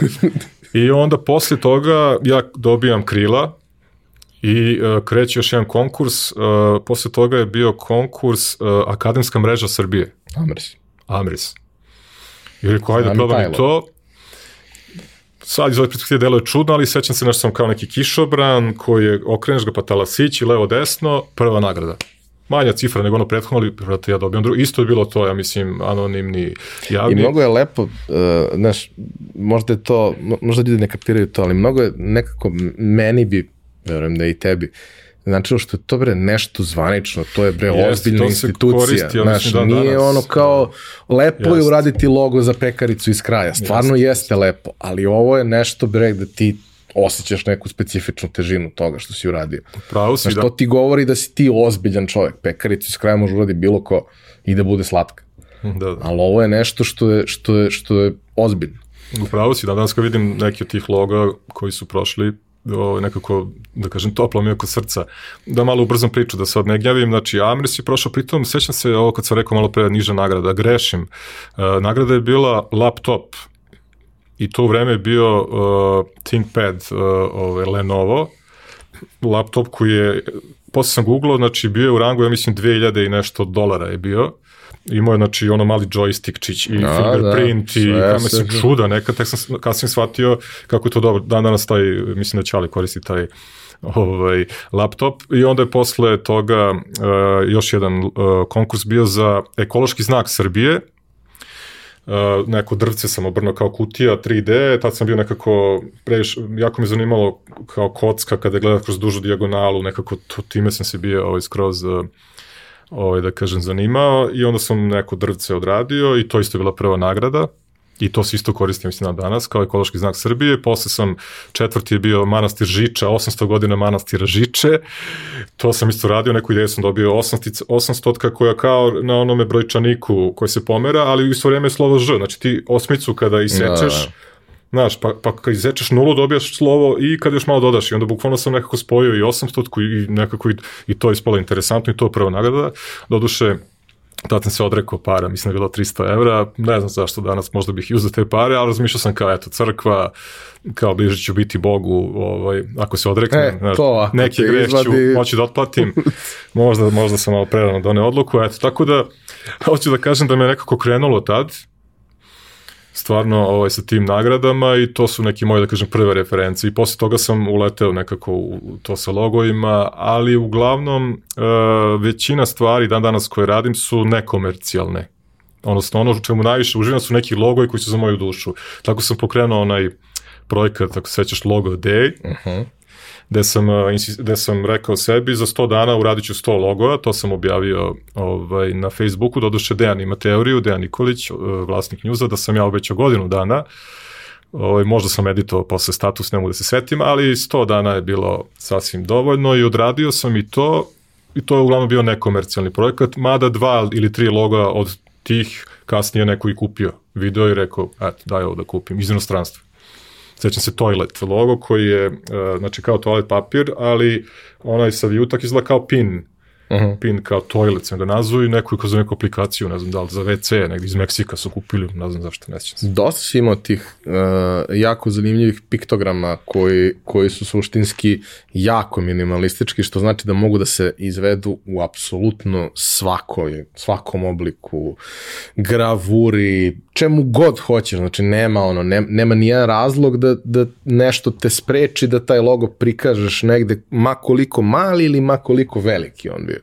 Što da. je onako vrlo važna karakteristika svakog, svakog dobrog logotipa. Uh, da li imaš još neki projekat, logo gde je bio, pa kažemo, već si ti bio u njuzu kad si, kad si krenuo sa tim mm -hmm. lagano, mhm. mislim, već si bio autor, ajde, možda nisi bio da. deo firme, aktivno učestvovao u svemu tome, ali uh, jeste to bilo tako, ali ti si u nekoliko navrata pravio te neke uh, tematske uh, serijale gde si možda u nekim situacijama radio simplifikacije nekih logo, logotipa, mm -hmm. svoja tumačenja nekih logotipa poznatih. Zašto to pitam? Zato što uh, sa jedne strane to je meni kao nekome ko voli takav materijal uvek beskreno zanimljivo da gleda. Sa druge strane, to je nešto što često ode u vira, ali privuče neku malo veću pažnju. Sad, to što dobiješ pažnju ne znači da će od toga da dođe neki posao, ali može i da se desi da neko negde vidi da, da. neki tamo ovaj, grafa iz Srbije da, da, ima da, da. smisla za neke stvari i onda te angažuje za, za, za, neke, za neka zanimljiva rešenja. Neki koja... grafa investitor. Da. Ovaj, uh, I uh, tu, je, tu je isto bilo nekih interesantnih projekata šta bi od toga podelio. Mislim, sve te stvari ljudi mogu da nađu kod tebe ili da. na Facebooku ili na nekom od sajtova na kojima je to objavljivano, ali eto šta ti pamtiš kao nešto što ti je bilo simpatično? Pa ima, ima dosta tih stvari. Često ja to izbacim nekako iz sebe samo da, da bih kroz neki ventil malo kao se opustio, odnosno odradio nešto što me u tom trenutku zanima, ali pre toga samo da se vratim na ove komercijalne stvari, uh -huh. možda da ne mhm. zaboravimo u tom periodu ovaj, pre njuza, eh, a pitao si me, eh, recimo, znaš i sam uh, hosting veliki na kome je njuza sajt i razno razni da kažem prijatelji tvoji i naši mainstream logo za njih sam radio. Sjećam se, ja sam te zvao da ti Si, ti si bio tako je tu i posrednik i učestvovao si da kažem kao eto ovaj, neko ko podrža tu ideju. Uh, bilo je još dosta projekata, ali recimo sećam se jedan od uh, interesantnijih ko, koji se meni dosta dopada jeste uh, perionica automobila Red Elephant. Red Elephant, tako je, bravo. Tad su bili samo u Ušću, sad ih ima i, ja mislim, i, ne znam, u još pa, u tržnice, par tržnih centara. To je inače moj drugar iz srednje škole, ali stvarno je milina raditi sa njim, jer on je meni sve dopustio. Ja sam mu predložio Purple lo, ovaj, Elephant, ali ne, pošto je crvena zvezda, navijač mora, mislim, Dobre. ja navijam zvezdu, sve ok, ali sam objasnio kako crvena nekad može da bude odbojna, nema veze, prihvatio sam. Napravio sam slonče koji samo, samo sebe kao pere u obliku automobila, to mu se dopalo, odradili smo i brendiranje, celokupno brendiranje sa ilustracijama malih čikica, ko, čikica koji se bore protiv šest pošasti, dim, blato, uh mhm. -huh. ne znam, ptice koje nešto rade automobilu i tako dalje, više se ne sjećam ledene kraljice i tako dalje, sve to je bilo super izbrendirano. Međutim, ja sam došao na ideju, pošto tek pokretao biznis, čekaj, ajde napravimo ja letak. I sad kakav letak? I pa da mi napravimo, čekaj, napravimo letak u obliku ptičijeg izmeta, Kake. kažem. Tako je. Kake. I on kao, o čemu? Pa rekao, čekaj, napravit ćemo letak, pritom on je i štampariju vodio, rekao, ajde, možemo dve moje odjednom. Znači, bukvalno s jedne strane, realistično ptičje to ta kaka, kaka, tako je, a s druge strane letak. I on kao, ajde, i odra, odradio je, to je oštampo je, ne znam koliko, 500 ili 600, nebitno, i onda je tamo na Novom Beogradu po kraju su kačile neke devojke ili kogod e, tamo po automobilima i on kaže, prvih 10 dana ljudi su dolazili otprilike kažu besni, kao teo sam da poludim kad sam vidio šta mi je ptičurina napravila, ali kaže kad sam vidio ovo iza da, da ste kaže svaka čast i stvarno su ljudi krenuli da dolaze i to je recimo eto primjer kao gerila marketing, ja mnogo volim te, te gerila marketing stvari, tako da to je, to je pokrenulo biznis.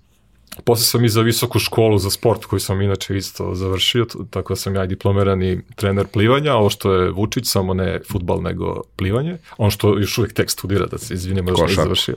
Šta? O, košarku, pardon, ne futbal. Uh, tamo sam, za njih sam predložio isto neko ko za gerilu po autobusima, jer klinci uglavnom autobusima idu, ovaj, mislim još uvijek srednjoškolci koji tek treba da se opredele šta će studirati, imao sam gomilu nekih stvari, tag koji kao ovaj, držiš pa kao od kartona se napravi bukvalno dva kružna samo kao ona tega koje na šipci stoje, pa ne znam, neki ski, spolja recimo stoji skijač nacrtan, a ovaj vidi se čovek koji sedi u autobusu, znači ti napraviš, ili ne skijač, pardon, trkač, trkač kao predaje štafetu dvojici, a glave ljudi koji sede u autobusu praktično potpunjuju sliku, skije sam teo unutra stavim autobus i tako još par stvari ne smijem. Da, onda kao autobuska stanica da se brendira kao, uh, ovaj, kao ona kako se zove, uh, futbolska klupa u stvari da što mhm. sve bude i tako dalje. Znači imao, ali dobro, to sad nije prihvaćeno, malo su bili konzervativni, tako da eto, to je recimo nešto od tih komercijalnih stvari.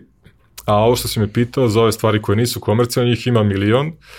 Ovaj, pa ne znam, ja uvijek gledam nekako kroz aktuelnost neku, to jest na neku aktuelnost da kroz grafički izražaj reagujem i bilo je mnogi stvari, bilo je stvari koje ljudi ne shvate iz prve, čak se dešavali kolege isto kažu kao ne razumemo, a onda shvatim da ipak uh, ono što ja vidim ne znači da i drugi vide. Znaš, dešavalo se recimo, ima tu dosta i nekih provokativnih stvari, a ima i stvari koje nemaju nikakvu poruku, nego samo su reakcija na neki događaj. Recimo kada je u Parizu, mislim 2015. bio onaj čuveni teroristički akt gde je poginulo mnogo ljudi, mislim čak 150 ili tako nešto, ja sam tad napravio jednu ilustraciju gde sam spojio dva kalašnjikova koji prave Eiffelov toranj znači nekako sam napravio kao da, da, da prave i to je bio moja, moja reakcija na tu tragediju.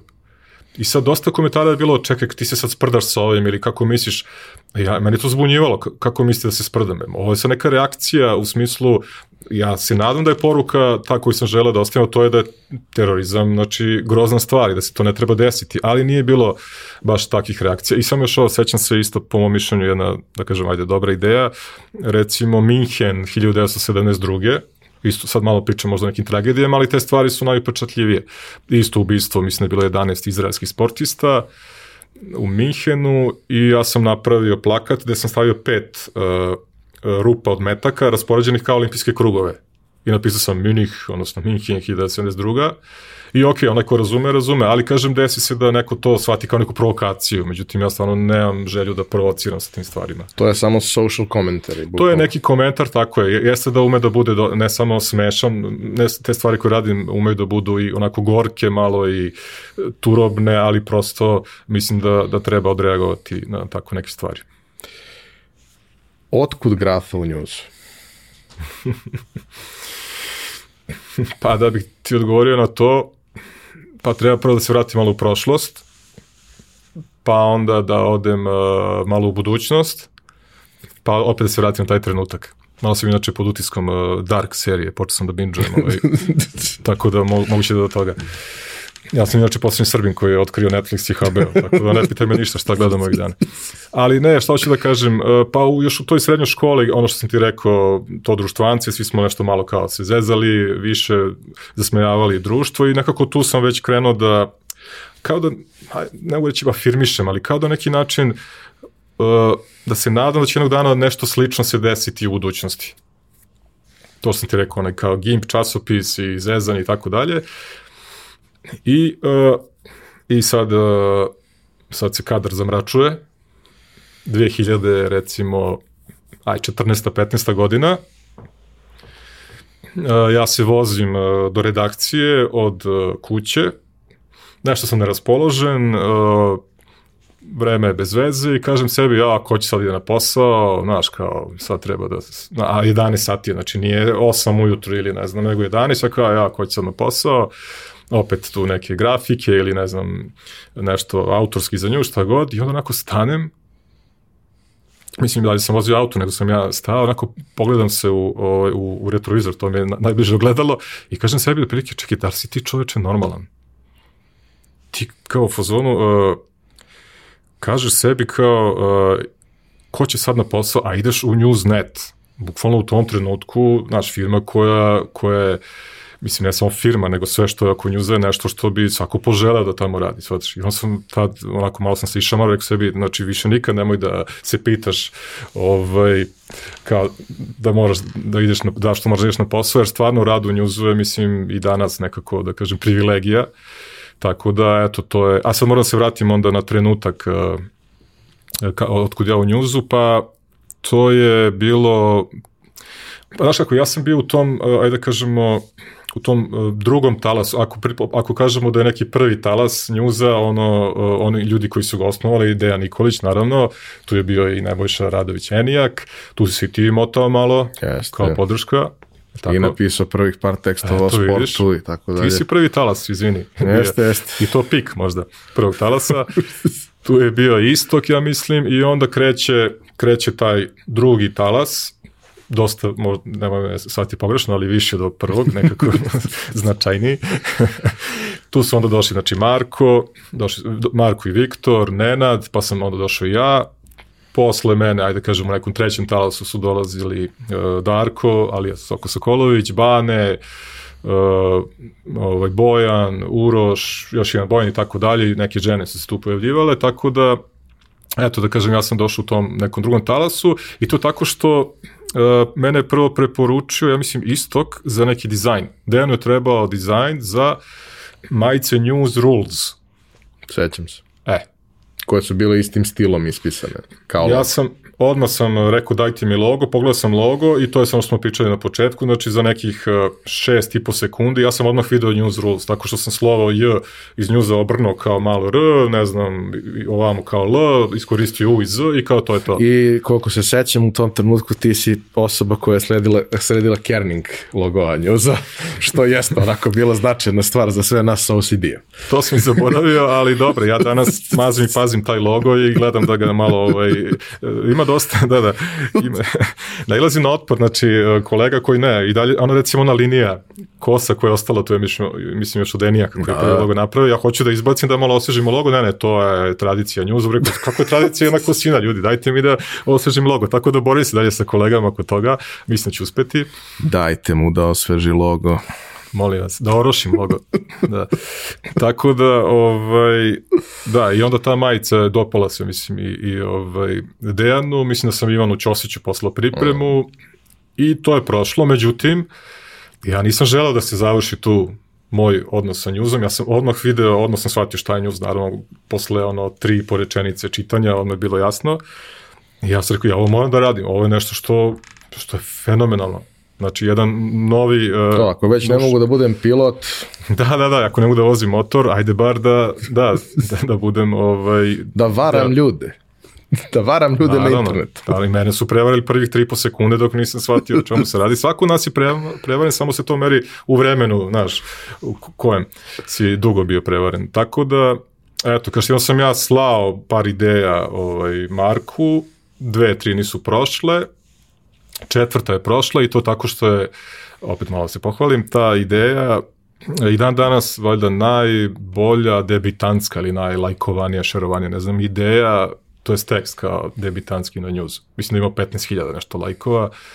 Tako da, tako Koja da, je to bilo nešto? Pa bilo je ono kada je uh, Tadić sa Cvetkovićem bio u Japanu i kad se vratio u Srbiju i posle dva dana tri se desio onaj grozan uh, zemljotres i tsunami i onda je bila ideja tipa Savjet bezbednosti je zabranio srpskoj delegaciji da putuje zbog malera.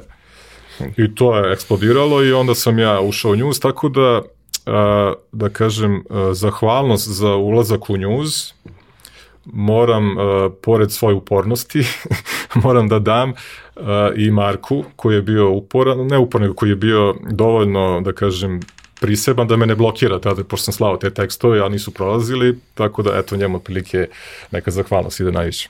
Za to. Uh, u kom trenutku se cela priča sa, sa, sa newsom, odnosno tvoj angažman tu usložnjava iz nivoa volontera koji piše, jer kao svi smo u Newswriters Guild grupi koja je zatvorena i gde da, smo da, svi mi neki autori, iako ja dugo nisam objavio tekst, ali mislim ono, pratim pa nekad i nabacim neku ideju i nešto.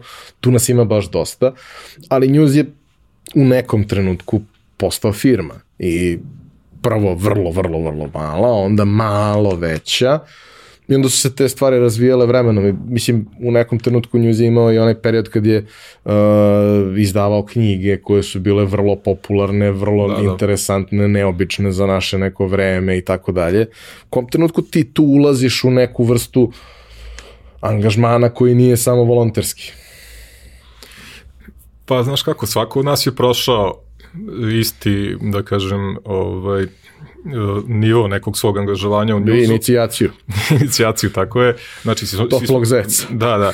Mi smo svi krenuli to ovaj, na dobrovoljnoj bazi i zaista niko nas nije očekivao da se to može razviti od nečega većeg od pisanja tekstova i kačenja na fejsu i dobijanja lajkova i kao eto da ti poneka devojka možda napiše super ti ovaj tekst, mada mislim da nikada od toga nije bilo ništa. Uglavnom, uh, uh, u jednom trenutku News je definitivno uh, postao ono što je Dejan od uvek i želeo. Njegova vizija je, uh, tad ga nismo shvatali ozbiljno, možda je on onaj iz budućnosti kao u ovom Darku koji je došao u prošlosti, to nam rekao, mi smo gledali kao budalu.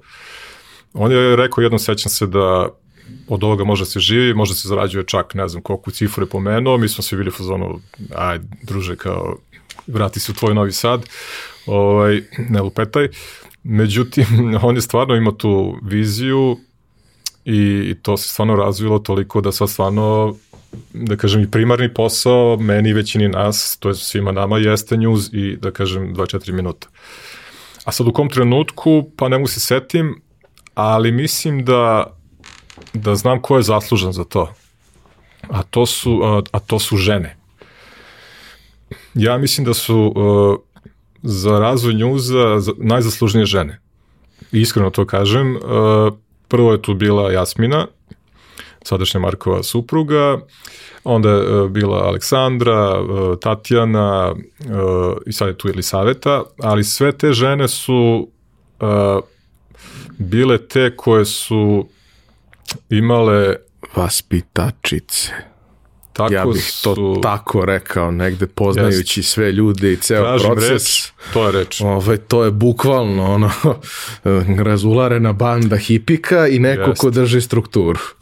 Upravo tako. Mi smo nekako bili to neozbiljni, znaš, dešava se da naš neko klijenta da nas čeka, da ne znamo ni koji su rokovi, da ne znamo ni šta tu ko kome plaća ili koliko, koliko imamo uopšte budžeta i tako dalje, ali žene su te koje su sele i rekli slušaj vamo, sad ćemo, svaka posebno na svoj način, sad ću ja da vas dovedem malo u red. I znam da svaka od njih imala isti problem koji ili saveta današnja glavna žena u njuzu ovaj, ima, a to je što uh, nisu želele da nas uh, da nas uh, onako kako da morali su da, da, da nađu način da nam pri, priđu, znaš, da budu i uljudne, da nas kao ne ovaj, remete u našoj lenjosti. Mo, možda. Ali s druge strane ponekad malo da udare šakom od stoji i kažu, e pa ne može više ovako, do sutra u 11 mora se predati to i to. To je jako važno i mnogo mi je drago što si to pomenuo i iz razloga što si pomenuo sve te sjajne devojke koje su prošle kroz redakciju i zbog činjenice da je to jedno od prokledstava rada s kreativcima. Yes. Što kao, znaš, mnogo lako, koliko su sami, tu mogu da izađu neke briljantne stvari, ali je mnogo lako se izgubi struktura i mnogo lako se izgubi taj moment rokova i odgovornosti prema, prema tom nekom poslu. A uh, teško je upravljati kreativcima na način da ih ne sputavaš. Da im ne potkrešeš krila toliko da Jeste. da oni ne mogu da urade ništa. Znaš, nije poenta da pošalješ nekog u depresiju. Poenta je da probudiš u njemu tu potrebu da uradi stvar na vreme i da iskontrolišeš da se stvar desi, jer kao ako se ne desi, nema, nema plata. Tako je, bilo, potrebno je naći meru A one su to uspevale, a posebno je li saveta, sad da kažem, koja je tu i dalje, koja, mislim, nije samo, kad kažem žena, ne mislim da je to mm. titula, nego prosto, ovo, eto... News žena, to je dijagnoza. Je, to je... Da, ali pozitivna u tom smislu, ali svakako sve te osobe su, mislim, i pisale su tekstove, mislim, Jasmina imala dosta tekstova, i li savjet učestvuje, ili savjeta snima i podcaste s nama, znači ne bavi se samo tim stvarima. I žvaće žvaku u podcastu. to, to, da, da vidim da se ljudi bune, ali mislim, traže ovaj, ono, dlaku jajetu, mislim, nebitno. Uglavnom, uh, kažem ti, ne samo stvarima kojima se bavi u smislu marketinga, ono, jurenja uh, klijenata i tako dalje, traženja sponzor za podcast, nego, eto, učestvuje i kreativno, tako da, ali nije njoj lako. Znači, bez obzira na sve, uvek mora da se vrati na taj početak koje, koje su sve žene pre nje morale da ovaj, obave, a to je da u nekom trenutku mora da, da malo podvikne, moramo da istrpi naše, uh, da kažem, kontra ovaj, reakcije na, na nju, malo ovaj, podbadanje. Nije, generalno to. nije jednostavno kad imaš nije, uh, 4-5 tinejdžera od po 40 plus godina. Tako je, tako je. Upravo to je onako baš hoće da, bude, hoće da bude Ona je tu najzrelija, i, ali mi, ti kažeš, mi smo tinejdžeri koji samo što ne gađamo kredom i ne znam, sunđerom. Mislim, Zato što nemate kredu.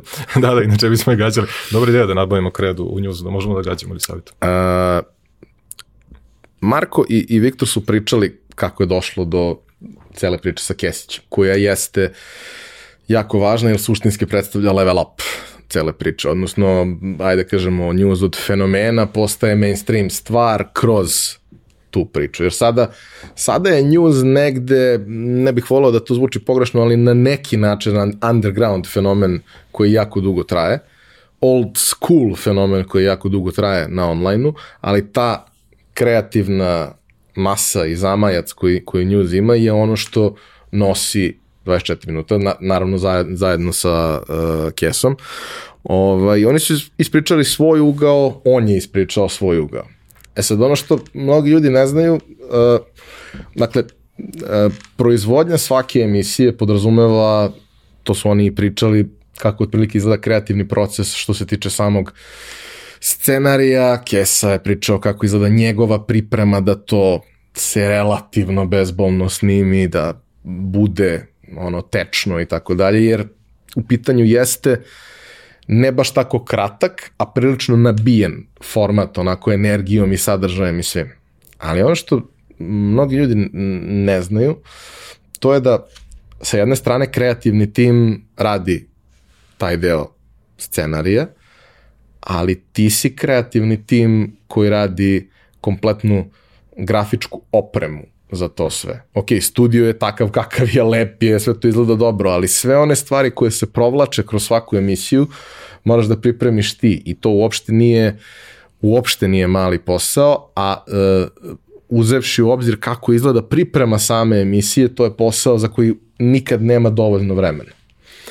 Znajući te dugo, znajući sve diagnoze i da, da. perfekcionizam i sve što usto ide, verujem da je teško.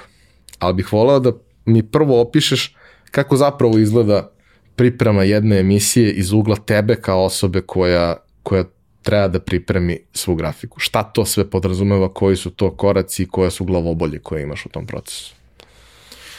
Pa to konačno neko da primeti da tu ima posla više nego što možda izgleda. Ove, ovaj, hvala ti na tome.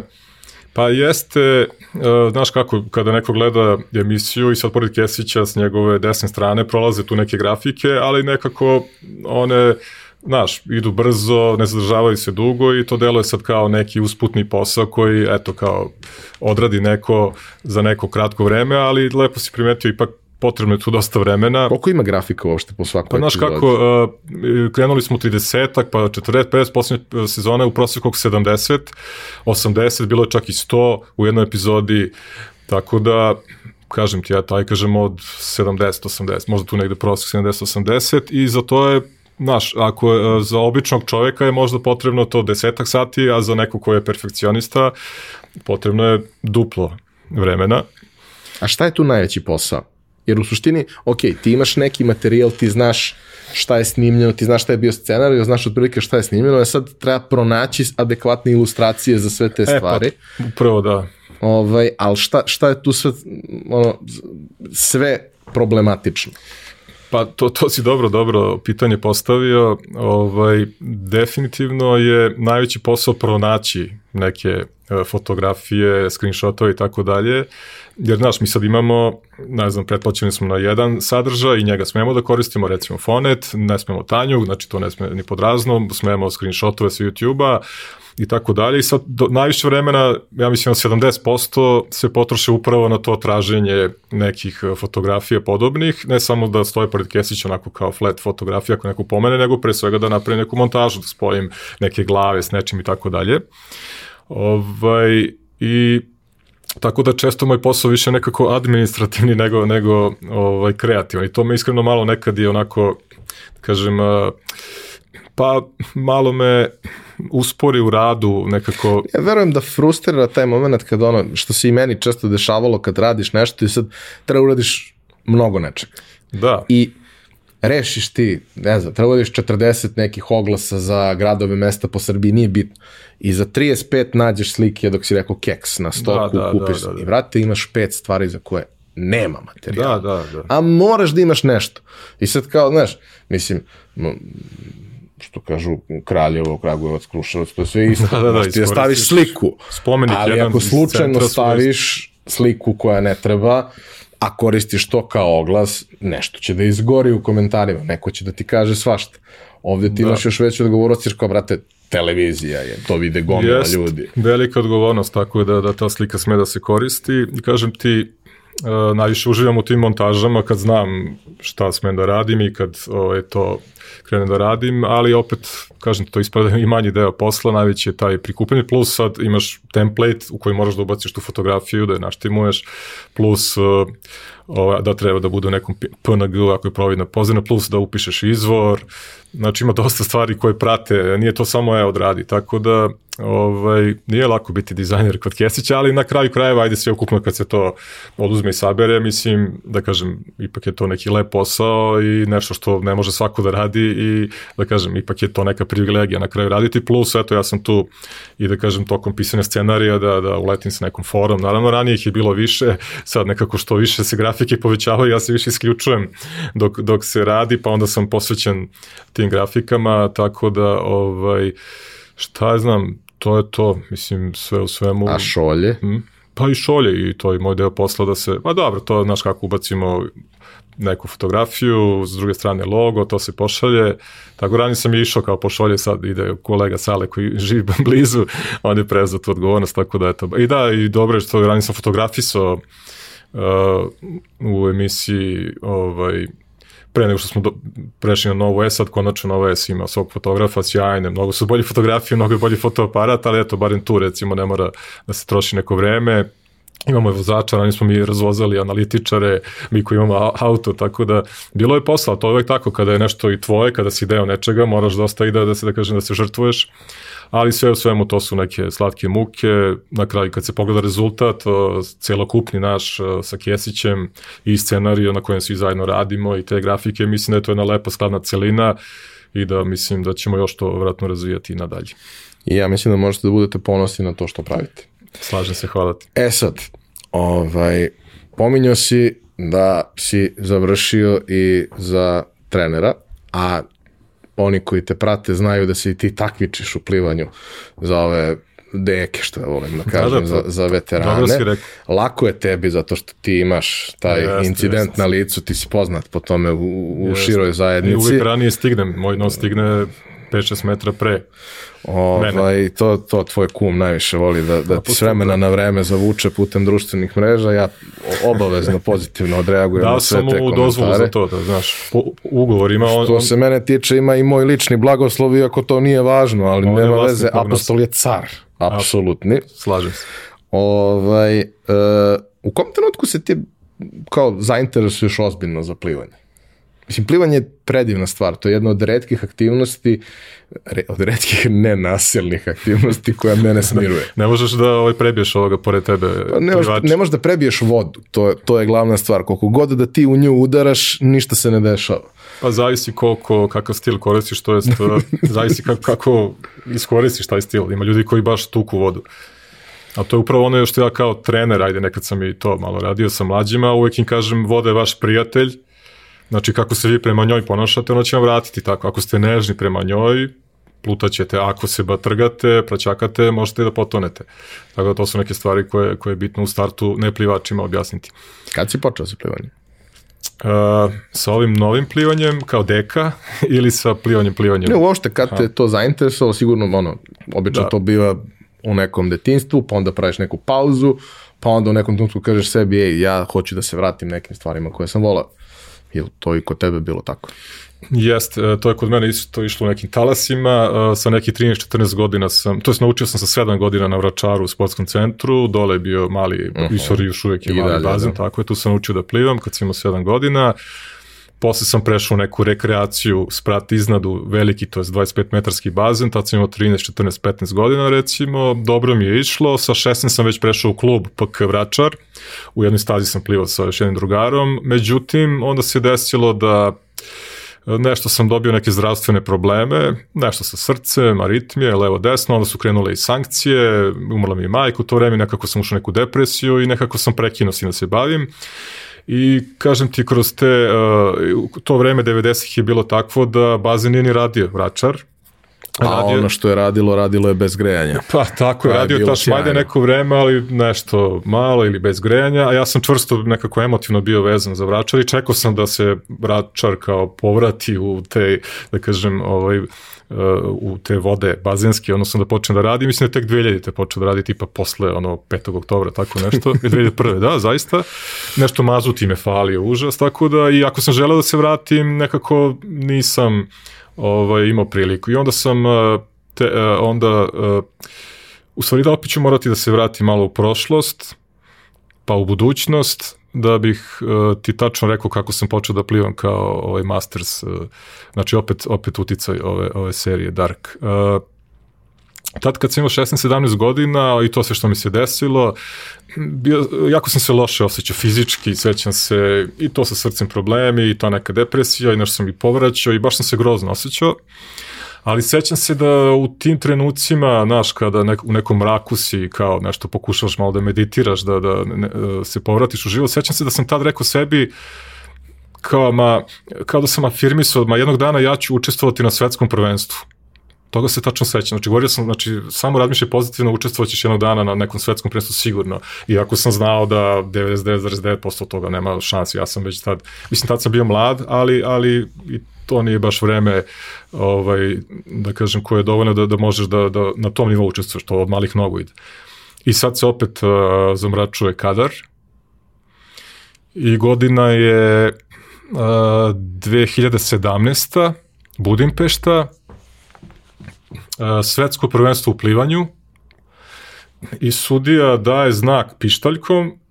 Onaj duži znak imaš prvo duži da, da te uh, da, se, popnete, da se popneš i onda on predaje starteru koji, koji ide ono take a mark. I sećam se tad kad je zazvonio ja sam samo pogledao ko sebe ona Duna arena u mm. Budimpešti gde je pre nas bilo svetsko prvenstvo pravo. I rekao sam čoveče pa ti si na svetskom prvenstvu je Znači, bukvalno kao ja sam na svetsko, i sećam se da mi sudija pokazao klike rukom, svi se već popili kao, ajde požuri, nema ja vremena za tebe. Ajde ti nosati. Ne znam. Tako je, da, da, jako je moj nos, sam rekao, posle već bio na startnom bloku. I ja sam se popeo, i sad možda ovako zvuči se malo emotivno, ali odradio sam tu trku kako sam odradio, nije bitno, ali tad sam shvatio da da sam uspeo. Da se razumemo, nije to svetsko prvenstvo, naravno ono koje je u rangu pravih svetskih prvenstva, to, to smo mi matorci, ovaj, uh, veterani i tako dalje. Konkurencija je ogromna, ima nas mnogo, po kategorijama smo dolaze ljudi koji su uvek osvajali četvrta, peta, šesta mesta, nikad nisu bronz uzeli na pravim olimpijadama i svetskim i onda nas sve odvale, razumeš? Znači ljudi koji su sve žuta plivali i su bili posle trećeg mesta i ono dođu i sve medalje pokupe. Tako da tad sam shvatio da ipak eto, zvuči malo kao ona Luisa Hay, tako nešto, mada ona je umrla, tako da ipak sam, ja sam još uvijek živ, znači bolji sam od nje. Ovaj, tako da, eto, ali te kao neke afirmacije, kako se zove, ali, ali definitivno treba, treba nekako, treba biti optimista, eto, to je, to je u stvari. Makar na moment. Da. E, šta si osvojio? Osvojio si svašta nešto od medalja, ovde lokalno si osvajao Pa, Lokalno, svašta. da, ali da budem iskren u toj masters kategoriji, kažem ti, tu se lako osvoje medalje, jer smo poređeni po kategorijama i ako se ne pojavi neko u tvojoj kategoriji, ti si već uza zlato, što je malo čudno, razumeš?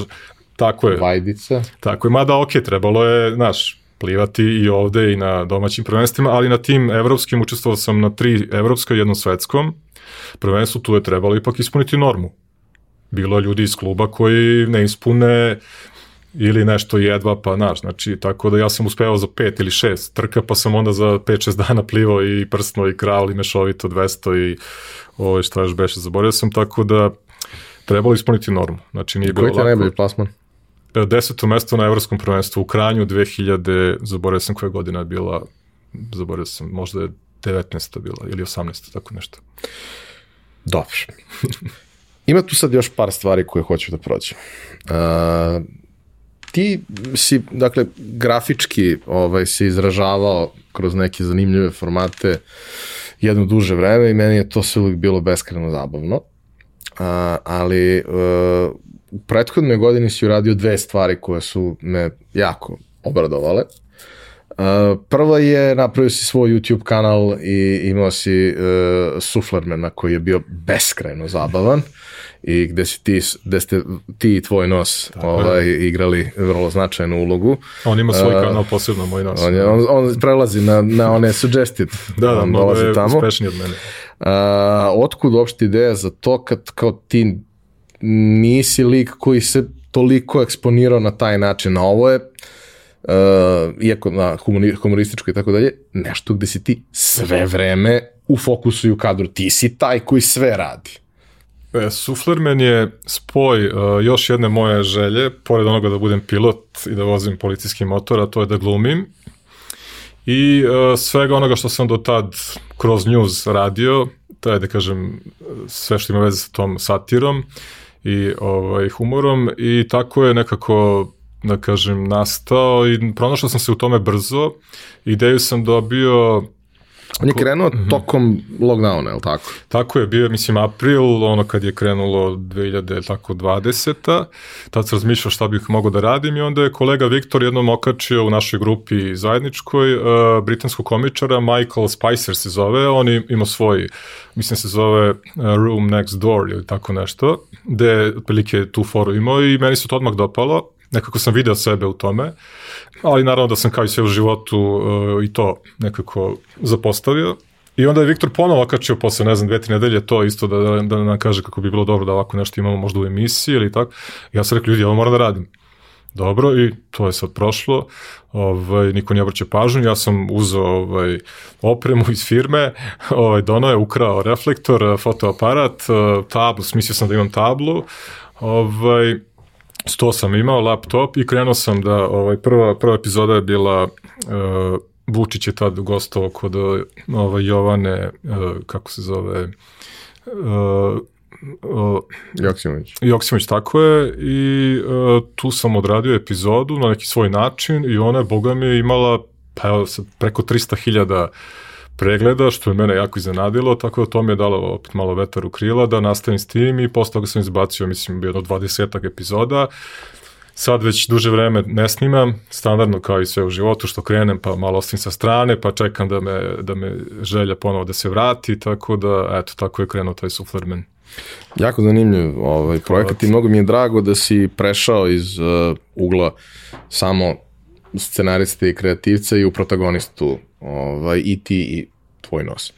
Da, e da, sad, da. ovaj, drugi projekat o kome ćemo da pričamo je majica koju ti nosiš, a koju je Kesić nosio u, u našoj, ovaj, našem gostovanju ovde. Da, da. Um, to je projekat uh, koji se zove Almost Original, uh, što je u suštini tvoj brand garderobe i nekih aksesuara i sličnih stvari.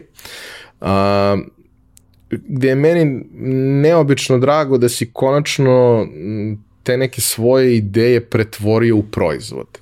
Bilo je mnogo nekih situacija u kojima je to ličilo da može da se pretvori u nešto, ali nikad se nije konkretizovalo u, u, u neke proizvode, barem ne u nekoj, na nekoj masovnijoj skali. Ovo je sad prvi put da to imamo kao majice, čarape, peškire i tako dalje i da kao ti neki simpatični motivi koji su u suštini ono, karikature nekih poznatih likova ili nekih poznatih brendova, koje su za malo pa original, ovaj, na koje su u onom nekom eksperimentalnom periodu ljudi dobro reagovali, mislim kao u tom periodu si ti mene cimo za mišljenje ja sam ti rekao go for it, a ja redko ljudima kažem go for it kad je mhm. nešto tako u pitanju. Kažem, lično mi je mnogo drago, ali bih volao da se ti meni kažeš kako je izgledao ceo taj proces, jer kao jedna stvar je kad ti radiš pripremu za štampu i to je sad radiš proizvod za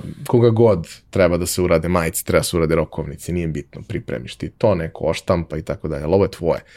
I ovde postoji mnogo više toga i mnogo ti je više stalo do svega toga nego, nego u tom nekom konkretnom slučaju, a, a svi imaju neka traumatična iskustva, pa bih volao da čujem tvoje. Ok, prvo da malo ispričam o uopšte kako je nastala ideja, uh mhm. -huh. pripostavljam, pa onda da se da. Ovaj, vratimo traumama, da ne idemo odmah od trauma. Uh, pa ja mislim da je ovo konačno nešto što je, što ti kažeš, što je moje, ali što bi moglo da opstane.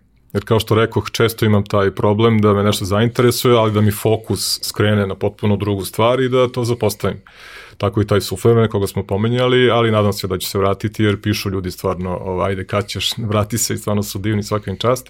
I to me isto motiviše kad me neko pripozna, ne znam, negde, ovaj, mada ja nisam nešto liko da neko sad prepoznaje, ali takve stvari me, def, me definitivno motivišu, a što se ovoga tiče, da, znači, definitivno mislim da je to nešto što, e, što moram da nastavim, zato sam, zato sam i uložio, odmah da kažem, uložio sam dosta para, ako ništa drugo, onda da bih sebi rekao, nema sad nazad, znači, druže, ovo, ovo sad, znaš, ne može sad da kažeš, e, ništa, jer to treba i vraćati, ali nisu pare uopšte tu na prvom mestu. Znači, ideja je došla opet spontano, kao i većina nekih mojih ideja, tako što sam kolegu u redakciji video da pije kafu ili čaj iz neke šolje na kojoj je bio Mickey Mouse. I ako gledam i kao vidi, vidi deformisan kao Mickey, interesantno, da pogledam malo bolje, u stvari nije, nego mi se učinilo iz ugla gledanja plus zakrivljenost šolje kao normalan je i onda kao, čekaj, deformisan Mickey, kao wait a minute, znaš, i bukvalno u tom trenutku mi je ono kao, sve sinulo. Znaš, ja sam, otišao sam kući, to već nacrtao sam uh, još gomilu likova, odmah sam imao ideju da je Almost, pa sad, ovo recimo Almost a Dog, tako se zove majica, imam Almost a Mouse, Almost a Crocodile, Almost a Tongue i tako dalje. Simpatično je kako si od Snoopija koji već po prirodi stvari ima veliki Snoopy. nos, napravio svog Snoopija.